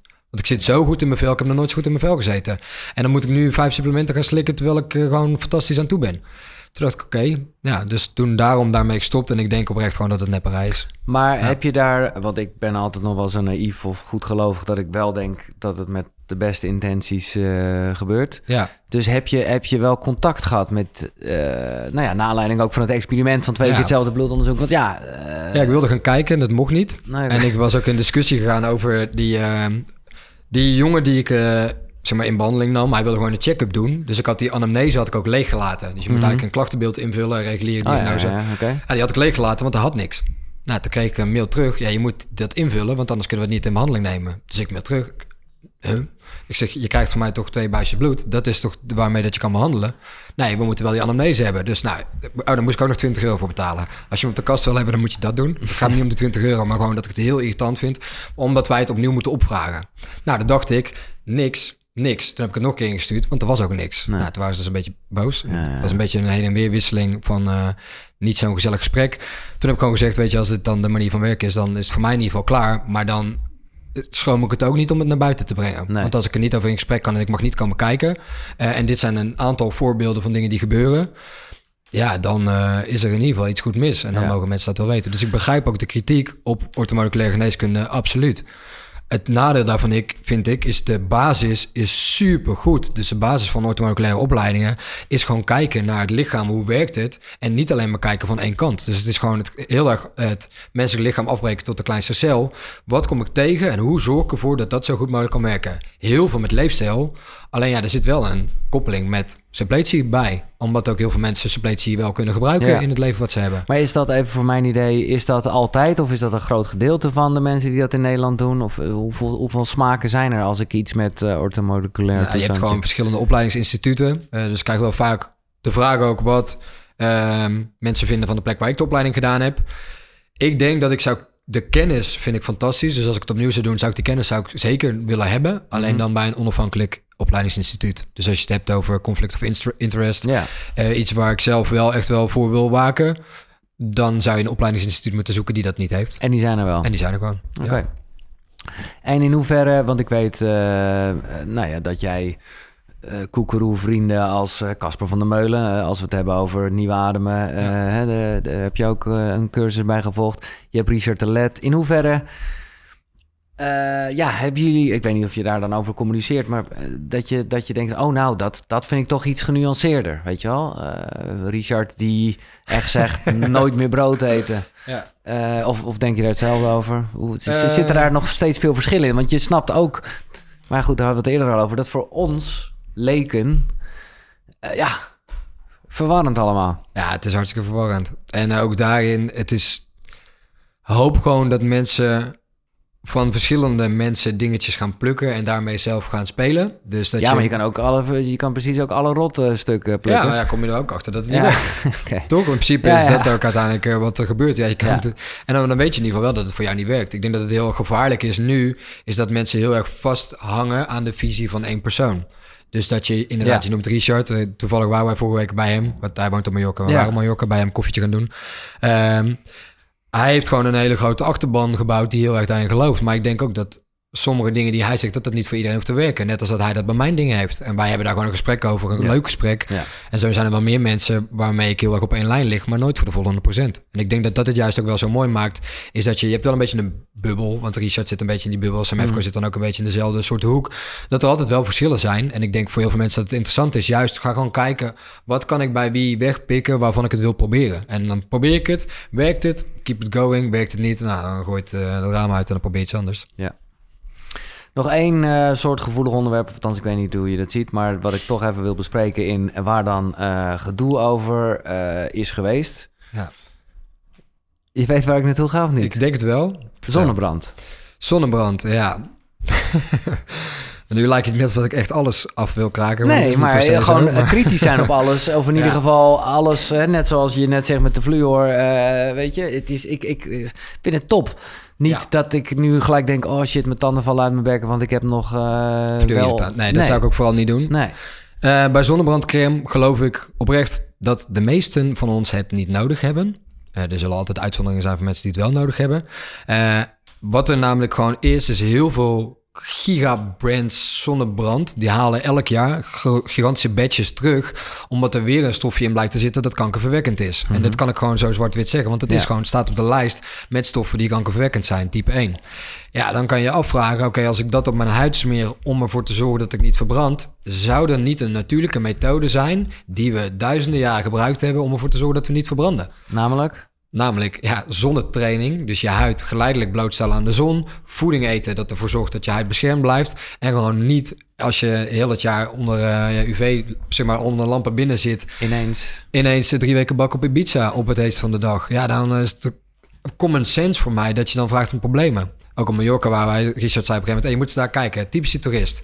Draai me om, witte mouw tot hier en de rest van de arm gewoon vuur en vuurrood. Ja, Ja. die heeft het hele jaar binnen gezeten. Die is twee dagen een bak op Mallorca. Ja, maar die dan- had dan toch beter wel kunnen insmeren? en misschien heeft ze ook kunnen gesmeerd. Oké. Ja, dus dat, eh, en het probleem nu is waar dat we ons eigenlijk voor willen beschermen, is voor melanoom. Dus voor huidkanker is wat er nu gezien wordt, is dat heel veel zonnebrandcremes niet per definitie beschermen tegen de ontwikkeling van melanoom. Ja, dan heb je dus een potentieel kankerverwekkende stof die je op je huid smeert om te zorgen dat je geen kanker krijgt, maar dat de werking daarvan veel minder blijkt te zijn. Dan denk ik, hey, misschien kunnen heel veel mensen ja, zichzelf wat meer blootstellen aan de zon gedurende het jaar rond. En gewoon echt zorgen dat je niet verbrandt. Ik bedoel, laten we wel wezen, verbranden is hartstikke ongezond. Ja. Het is gewoon totaal niet natuurlijk. Nee. Als je gaat kijken hoe dat mensen dat dan altijd gedaan hebben, is gewoon op het heetst van de dag niet in de zon gaan zitten. En gewoon de huid geleidelijk blootstellen aan de zon. Dus wat ik zelf doe, is gewoon vanaf januari... elke zonnestraal die komt, die pak ik. Ik was vroeger echt, echt spier en spierwit. Ja, ik zat ook altijd binnen. Nu ben ik eigenlijk het jaar... Ja, niet zo bruin als nu, want nu heb ik een week echt goed zon gepakt. Maar het hele jaar rond wel enigszins bruinig... omdat ik elke zonnestraal op elk moment probeer te pakken... om mijn huid te trainen. Dus de huid heeft een natuurlijk beschermingsmechanisme... aan de hand van melanine... om gewoon een bruin tint en de huid wat dikker te In maken. Nederland hebben we het over. Ja, Ook in Nederland, ja, nee, ja, want dat ja. is een beetje waarvan ik zelf al denk van ja, ik zou willen trainen wat ik wil, maar over het algemeen woon ik in Nederland waar gewoon niet zoveel zon is. Ja, nu eh, is het wel een beetje bedroevend, moet ik zeggen. Maar als je vorig jaar gaat kijken, was het vanaf begin april... is gewoon een geleidelijke stijging. En het gaat dan vooral over de UVB-straling. Die wordt zeg maar steeds sterker naarmate dat de zomer volgt. Waarmee dat de huid zichzelf ook steeds harder kan trainen. Ja. Alleen dat is echt opbouwen. En dat is ook ja, in de zomer in het begin gewoon alleen ochtendzon... en eventueel avondzon pakken. En dan kan je zelfs als je niet getraind bent... is vijf uur 's middags is gewoon nog te vroeg voor jou. Ja. Dus daarin, als je merkt dat de huid wat meer ten begint te krijgen, letterlijk, dus ten is de bescherming daartegen, daarmee kan je zorgen dat je niet verbrandt.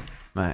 En dan heb je, denk ik, zo'n soort zonnebrandcrème niet nodig. Voor de meeste mensen heb je het wel nodig. Er zijn gewoon echt heel veel zonnebrandcremes op basis van non-nano zinkoxide. Dus non-nano wil zeggen dat de deeltjes zo groot zijn dat ze niet door je huid in kunnen trekken. Dus als je nano hebt, is het deel zo klein gaat door je huid heen. Non-nano zinkoxide is een natuurlijke bescherming dat op een natuurlijke manier tegen verbranding kan werken. Nou, dan gebruik je zo'n soort. Ik bedoel dus niet dat ik helemaal anti-zonnebrandcrème ben, maar wel Nee, oké, anti-troep. Dat vind ik het moeilijke, want dit, ik, ik, ik, eh, dit, dit zit natuurlijk dan half in mijn, eh, in mijn hoofd. Ik ben uh, godsam twee maanden in Nieuw-Zeeland. Nou, daar was het ook niet super lekker weer, maar in vergelijking met Nederland echt wel meer zon. Top, hoeft er niet in te smeren. En op de terugweg gaan we een weekje naar Dubai, wat gewoon wel wat extremer is. Ja. Ik denk, nee jongen, ik pak die zon.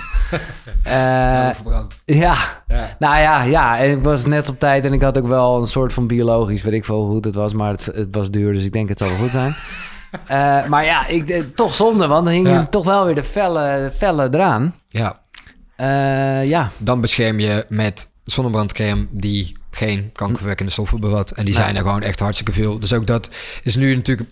De trend is daarin wel heel erg mooi. Dus de markt speelt daar ook op in... om gewoon zonnebrandcremes op de markt te brengen zonder troep. ja, Ik bedoel, dus ze zijn er gewoon. ja. Ja, als je die dan... eh, vaak voor mensen, dat is een beetje een nadeel. Dus de zonnebrandcreme zonder troep... die blijft als waas op je huid liggen...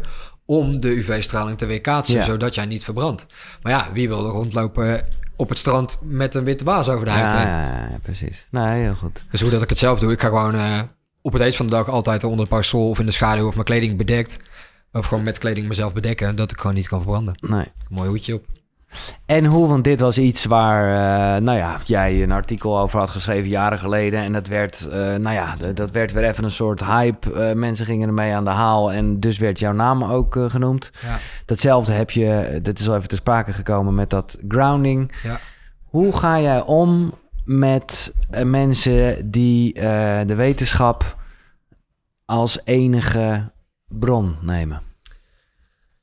Ehm, ik vind het moeilijk. Of tenminste, ja, ik vind het wel moeilijk. Dus wat er afgelopen week een gebeurd is, eh, ging ook onder andere over dit festival dat ik hier was, omdat ik heel veel dingen ook vertel die nog niet zwart op wit wetenschappelijk bewezen zijn. En als iemand alles 100% wetenschappelijk wil onderbouwen, dan zeg ik vaak, kijk, als je gaat kijken, bijvoorbeeld 50 jaar geleden, was het nog niet wetenschappelijk bewezen dat roken hartstikke ongezond is. En dat werd gewoon betaald door de industrie om te zorgen dat het niet naar buiten kwam. Ja, als je echt wetenschap wil doen, dan moet je de wetenschap durven te bevragen. Mhm. Dus daarin, ja, ik vind het heel erg moeilijk, omdat ik wil natuurlijk liever niet in een negatief daglicht gezet worden. Maar heel vaak bij de dingen die ik deel, sta ik gewoon echt voor de volle 100% achter. En ook de mensen om me heen staan daarachter. Ik moet zeggen, mijn toon is vaak best hard, dus daar zou ik eventueel iets aan kunnen doen. Maar Nou ja, maar dat roept ook discussie op en dat is lekker. dat ik dan ga denken, ik weet gewoon zeker dat ik het hierbij bij het juiste eind heb. En dat ik hiermee ofwel mensen geholpen heb, of mensen mee kan helpen. Als ze wel, zeg maar, doen in de nuance vinden, wat ik ook wel vaak geef. Dus ik Ja. nuanceer wel heel veel dingen. Alleen vaak niet in de titel, dat is dan het probleem. Of dat is mijn probleem. Ehm, maar wat ik de afgelopen weken vooral heel vervelend vind, is dat het niet alleen op mijn bordje komt, maar dat het op het bordje van andere mensen terechtkomt. Kijk, ik ben natuurlijk met een team en ik ben verantwoordelijk als mede-eigenaar dat het salaris betaald wordt van een aantal andere mensen. En als vanuit de dingen die ik deel, dat bij hun terecht kan komen, dan voel ik me daar echt heel vervelend bij-. En ook bij deze week, ik bedoel, dat ging dan vooral over Christy. Eh, dan Van voel ik me daar, festival, de eh, organisator ja. van, het- van het Ja. Festival. Dan voel ik me daar heel, vooral heel vervelend over. Maar dat is meer schuld, omdat ik voel dat ik dan daar de schuldige van ben. Terwijl dat nooit mijn intentie is geweest. Dus mijn intentie is ja, in principe altijd goed. Ehm, alleen als dat niet met nuance ontvangen kan worden en daar veel kritiek op is, ja, dan vind ik dat wel vervelend. Als het op iemand anders bordje terechtkomt. Ja. Dus als het alleen op mijn eigen bordje blijft, dan kan ik dat best goed nuanceren. En dan is het vaak ook een projectie van iemand anders op iets wat er bij diegene niet goed is gegaan. En dan ligt dat meer bij werk bij die andere dan dat het werk bij mij is. Ja. Dus ik geloof echt wel dat ik alles doe vanuit mijn authentieke zelf. Dit is echt wie ik ben. Ja, dit is eh, wat je krijgt en dat is niet eh, anders. Ik bedoel, Het is geen toneelstuk wat ik speel. Nee, kijk, en in het geval van grounding is nog wel wat anders dan dat zonnebrand. Ik kan me ook wel voorstellen dat over de zonnebrand dan meer gedoe is, omdat daar, nou ja, daar, daar zit dan nog een soort van gevaar in. Ja, Bij grounding denk je gewoon, ja, als je er niet in Ja. gelooft of eh, wat ma- do it. dan, Ja. dan doe je het niet. nee. Plus, ik ben er ook wel veel mee bezig en ik deel een beetje jouw mening hierover. Of jouw gevoel van op het moment dat het eh, hè, mijzelf raakt, kan ik het hebben. Maar voor de mensen die, nou ja, eh, eh, ook in Koekeroe komen en dan worden Ja. aangesproken, ja, dan, dan voel ik me ook wel een soort van verantwoordelijk en dan baal ik er ook meer van. Ja. Maar ja, denk ik altijd, ja, het feit dat ergens geen bewijs van is, betekent niet dat het een bewijs is dat het niet bestaat. Ook dat. Ja, dat is gezegd. En dan, maar goed. Ja, vooral bij het stukje grounding. Dan, ik snap sowieso niet dat mensen daarover kunnen vallen. Want wat interesseert jou het dat iemand anders op blote voeten loopt buiten? Ja, Ja, laat iemand lekker doen, denk ik dan. ja. Eh, maar dat zijn gewoon dingen. ah, Voor mij, als ik daar logisch over na ga denken, zijn dingen die we altijd gedaan hebben. Mhm. Dus het is eigenlijk bijna raar dat we nu heel de dag op schoenen lopen. En waarom wordt dat niet van de andere kant belicht? Nee. Hoezo loopt iedereen op schoenen? Ja. Ja, en dat is allemaal. En dan, eh, ja, ik vind het toch wel leuk om het juist altijd wel in het spirituele te trekken. Eh, ook weer met de kracht van natuur. Nou, Ja. daar zullen weinig mensen ontkennen dat een boswandeling goed voor je is. Ja, Eh, ja, maar ja, dat is aan zich is dat dus geniaal. Want dan ineens heb je het wel over... Nou ja, misschien kan je dat wel wetenschappelijk verklaren, weet ik niet. Maar met energie en dat die bomen een bepaalde energie Ja. uitstralen... waar wij dan eh, op reageren. Ja, alles is energie. ja, Dus letterlijk, jij bent eh, een mengelmoes van allemaal kleine energetische balletjes, om het zo te zeggen. Ja, en dat, ja, ik vind het jammer dat daar zo, dat daar vanuit sommige hoeken zo vervelend over gedaan wordt. Maar als ik nu aan de andere kant kijk, er zijn zoveel mensen die er wel in geloven en die er positief iets uithalen. ja. Als je het hebt over de natuur wandelen, ja, dat het over energie gaat. Ik, ja, ik weet wel bijna zeker dat het met energie te maken heeft. Energie die vanuit de natuur vrijkomt. Eh, als iemand dat niet gelooft, ja, loop gewoon de natuur in en voel zelf, ervaar gewoon. Als het goed voelt, dat is toch top. ja. Wat daar dan ook voor wetenschap achter moet zitten. Maar goed, het is bij veel mensen, en ik heb daar alleen maar liefde voor, eh, serieus, ook een soort angst van, oeh, eh, nou, ja, nou ja, letterlijk angst voor het onbekende Ja. en, en het onverklaarbare. Ja, en dat doet soms pijn als iemand daar iets anders over vindt Ja. of zegt. Ja. Eh, we hebben het nog niet gehad over je avondroutine. En ik weet wel dat je die hebt. Ja. In ieder geval leef je dus heel erg. Nou ja, ik, ik moet zeggen, ik vind het hier in Nederland fucking moeilijk. Dus echt respect hoe je dat doet. Maar nou ja, als ik weer even terug eh, ga met Floor naar de bus in Nieuw-Zeeland. Ja, als het donker is, ga je gewoon slapen. Ja. Want je kan ook niks anders. Ja. Fantastisch. Ja, het is eh, echt heerlijk. Maar dat is iets wat jij ook gewoon hier, eh, nou ja, in Nederland Ja. doet. Ja, ik... En acht uur dus die mobiele telefoon. Dus eigenlijk begint je avondroutine. Het begint echt al na het eten. mm, ja, eigenlijk met het eten al. Dus ik kook in principe altijd. Dus ik, eh, ik hou gewoon heel erg van koken en met eten bezig zijn. Dus in principe zorg ik altijd dat het eten klaargemaakt wordt. Dat was ook wel hè, je studie die je gedaan hebt... waarvan je dacht dat je eigen restaurant Ja. ging beginnen. Ja, denk ik nog steeds wel. Oké. Dus ik, eh, ik, ik hoop dat ik over een jaar of 15 een mooi restaurant mag openen. Dat hoop ik. Alleen maar vlees. Nou, je hebt in Kaapstad heb je een restaurant zitten. Ik ben eh, vier jaar geleden in Kaapstad geweest. Of vijf jaar geleden in Kaapstad. Of zes Ja. jaar alweer. Zes jaar, wow. Tijd gaat zo snel. Zes jaar geleden in Kaapstad geweest en dan had je een restaurant. Het heet Carne. Ja. En dan krijg je gewoon een plaat, zeg maar, met allemaal soorten biefstukken. En dat was net voordat ik vegetarisch werd. Dat is ook wel geinig. Als ik daar nu aan denk, wij gaan toevallig volgende winter gaan we weer naar Kaapstad eh, daar overwinteren. Eh, dan wil ik zeker naar dat restaurant toe. Ja. Ja, dat is fantastisch. Ja. Maar dat wordt wel aangevuld met eh groenten en fruit Ja, uit dingen. Dus van alles. Weet je, en daarna, ja, na het eten, in principe vanaf het moment dat we gaan eten zijn alle schermen uit. En dan is het ook vooral wel tijd voor elkaar. Eh, wij zijn... eh, En even voor de duidelijkheid, jouw vriendin eh, is helemaal geen biohacker. Eh, die, heeft- die is gewoon normaal. Ja, die is gewoon normaal. Ja. Maar die gaat hierin wel mee. Eh, ja, dat is ook wel een strijd van lang wel. Dus mijn vriendin, dat is wel grappig. Wij zijn... wij lijken best veel op elkaar, maar ook weer totaal niet. Zij wil heel erg ook gewoon lekker de eigen ding doen. En ik laat haar ook vooral heel erg de eigen ding doen. Wij zijn ook al heel lang samen, dus wij zijn samengekomen toen we op de hotelschool zaten. Nou, mijn leven zag er toen heel anders uit dan nu. En zij heeft dat wandelproces van mij natuurlijk gewoon van eh, millimeter dichtbij meegemaakt. En dat heeft wel eens frictie gegeven. Dat heeft ook wel eens voor gezorgd dat we zo goed als uit elkaar gingen. Eh, omdat mijn pad heel anders is. Alleen uiteindelijk komen we altijd wel op de een of andere manier weer bij elkaar. Ja, bijvoorbeeld één grote passie die we delen is gewoon goed eten en wijn en gewoon samen zijn. Ehm, maar zij heeft daar een hele, eigen, of een hele erge eigen weg. En ze doet af en toe gewoon dingen dat ze ziet bij mij en denkt ze, hmm, toch wel interessant. En dan, ik hoef daar niks over te zeggen, want het komt dan vanzelf wel een keer. Dus met die oude ring heb ik toevallig een keer gedropt. Dan denkt ze echt, ja, je bent echt knettergek. Dat ga ik echt nooit doen. En dan laatst gaat ze toch in één keer wel zo stiekem van, Ja? hmm, misschien toch wel Oh, interessant om eens te kijken. Ja, ja, ja. Dus dat gaat heel voorzichtig en ik laat daar vooral de eigen ding doen. Eh, maar als geen scherm is wel vooral ehm, als je wat relatieproblemen hebt. Dus ik durf ook wel te zeggen dat wij dat wel gehad hebben. En ik denk dat elke relatie dat wel heeft. Eh, ook wel zover dat we bijna uit elkaar gingen. En dat had ik heel vervelend gevonden.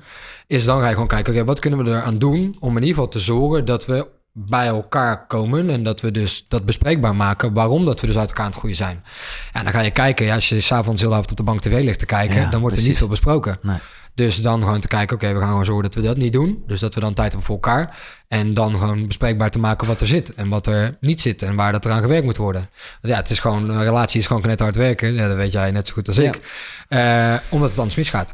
En als je dat niet wil, dan is het zonde. Dus daarin eh, tijd voor elkaar. Ja, mooi. Gewoon bespreken van de dag en ook gewoon bespreken wat er speelt. Ik ben best wel een binnenvetter. Dus als er iets speelt, net als de afgelopen twee weken, dan kan ik daar heel stil van worden. En dan ga ik vooral met mezelf daar heel veel over nadenken, heel veel malen. En zij is gewoon wel een van de weinige mensen die dat ziet en zegt, ga gewoon zitten, we gaan het hier gewoon over hebben, weet je wel. En anders gebeurt dat te weinig. Ja. Totdat ik bij mijn ouders kom en dan gebeurt hetzelfde. Dus daar ben ik ook wel heel erg dankbaar voor. Die zijn daar ook heel erg eh, stellig in. Eh, maar anders, als, dat, ja, als je daar geen ruimte voor creëert, dan blijf je daar dus mee zitten. Ja, en dan bouwt het op en bouwt het op en bouwt het op. En dan Ja. komt het een keer komt het ergens eruit. Dus daarin tijd voor elkaar. En ja, ik hou gewoon heel erg van lezen. Dus ik ben de laatste tijd... eh, ik, vroeger keek ik altijd eh, zeg maar de CSI-series en de FBI-dingen. Dus de laatste tijd weer begonnen met thrillerboeken lezen s'avonds.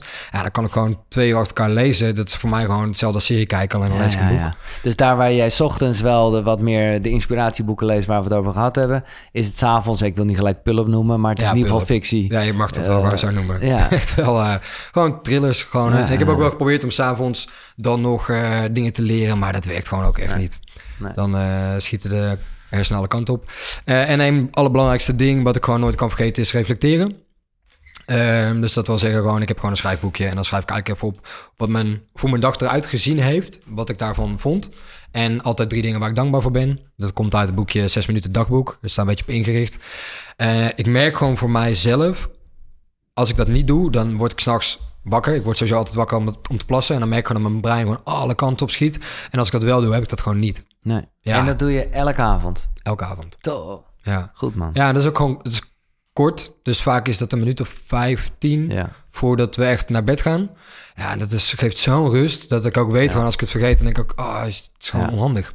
Nee, maar dat merk ik ook weer met het gesprek eh, wat ik met jou heb. En, en ja, dat toch gewoon hè, de kracht van routine. En dus niet eens meer in twijfel trekken of je iets doet.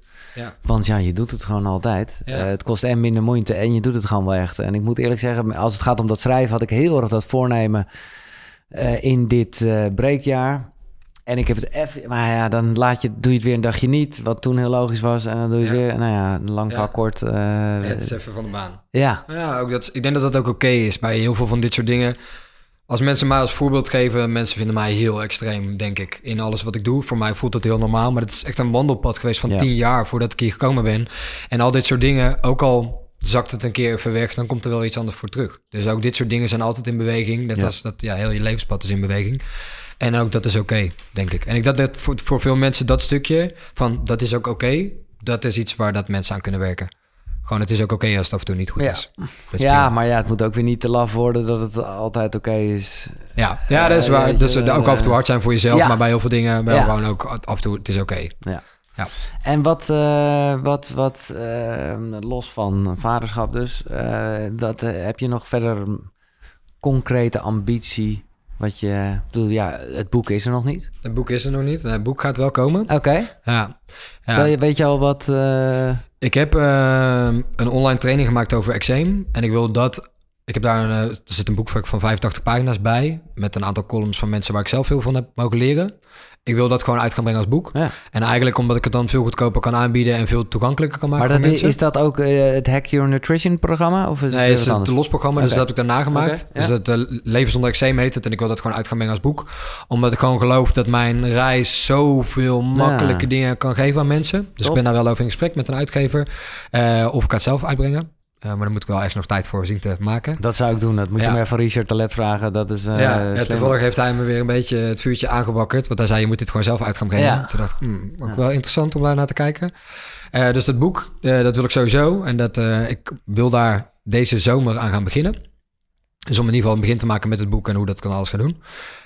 En een van de doelen is wel dat wij over een jaar of vijf echt een retraitecentrum voor onszelf hebben. Waar dat we alle verschillende dingen die wij doen, dat we die gewoon op onze eigen plek kunnen aanbieden. In Nederland. Eh, dat is een beetje eh, liever allebei. Ja, ja, dus ja. en in Nederland en in het buitenland. Maar dat ligt gewoon een beetje aan hoe snel dat, dat gaat. Dus dat we gewoon les kunnen geven over onze manier van gezondheid. En dat gaat gewoon alle kanten op. En, en wat meer persoonlijk, want jij bent wel echt zo'n guy die eh, dan op een gegeven moment op zijn jaaragenda zet: Oké, ik ga weer piano spelen. Ja.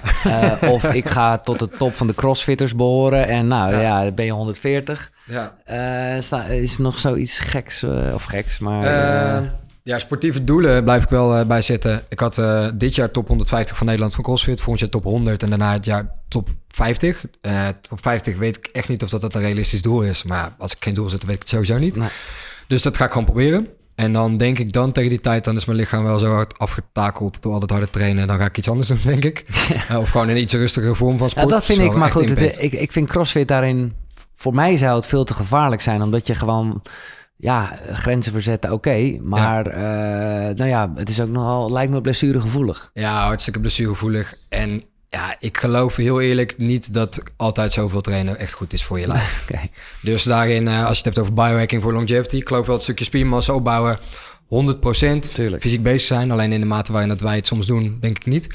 Eh piano spelen was dus eentje van, eh daar ben ik twee jaar geleden weer mee begonnen. Ja, en dat is ook weer echt een uitvinding geweest. Eh, ook dat soort dingen is gewoon, als ik daarmee begin en ik haal er zoveel plezier uit, dan blijf ik dat gewoon doen.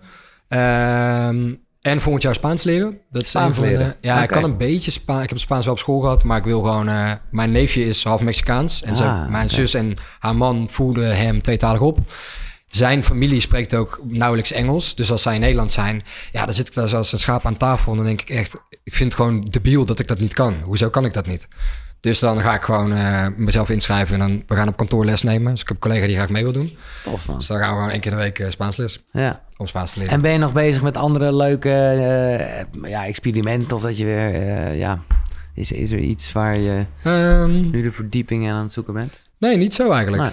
Nee, dus eh, verder geen... eh, ja, ik, met suppletie en zo ben ik altijd wel een beetje aan het experimenteren. Maar dat wordt Ja. straks natuurlijk wel meer als ik mijn eigen supplementenlijn Ja. heb. Ehm, ik zou ook nog wel ooit een keer een eh, goede paddenstoelenreis willen maken in de vorm van ayahuasca. Maar Ja. daar ben ik gewoon nu echt veel te scheid voor. Dat is gewoon... eh, De controle Terwijl- loslaten is... ja, terwijl ik wel vaak truffels gedaan, ook paddo's gedaan.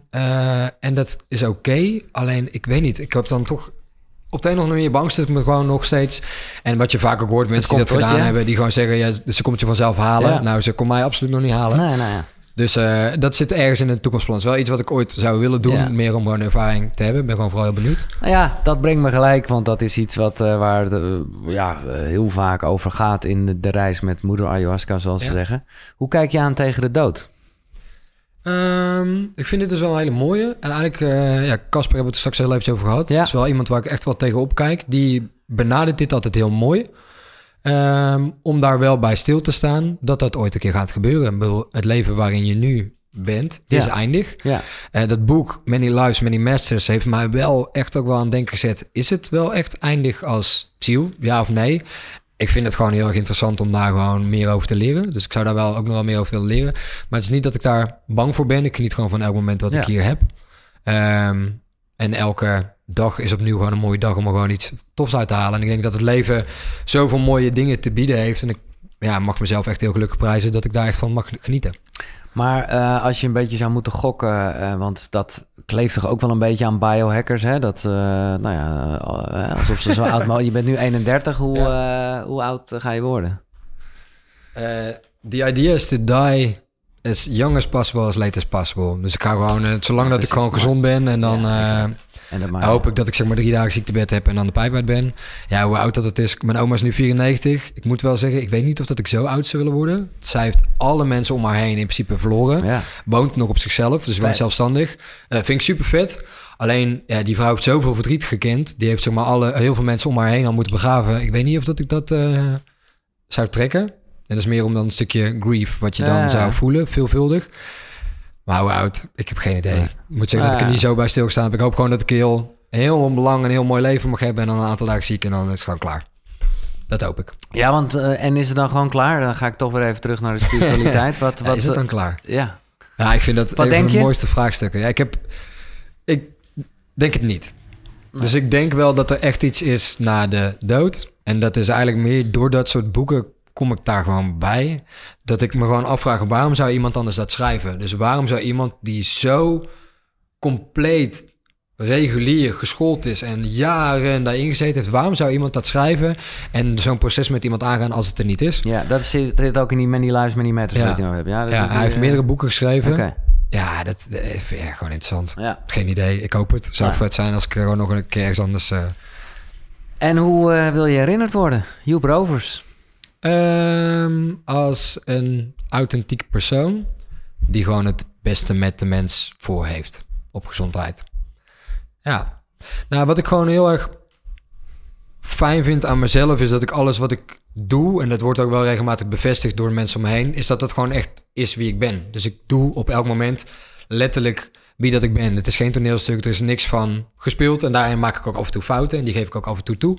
En dat hoop ik wel dat dat gewoon blijft en dat ik dat wel de rest van mijn leven blijf doen. Dat als ik iets, stel dat ik er over twintig jaar achter kom dat eh, het carnivore dieet toch eigenlijk hartstikke kut was, dat ik dat ook nog steeds durf te zeggen en dat ik daar nog Ja. steeds over durf te vertellen dat ja, ik heb gewoon een fout gemaakt, weet je, dat is oké. En dat, ik denk dat dat een stukje authenticiteit is wat ik de rest van mijn leven wil houden. Mooi man. Joep Rovers. Eh, dit was Koekeroe. Benieuwd wat je ervan vond. Laat het weten in de reacties. Tot de volgende. Zonnegroet. Hoi.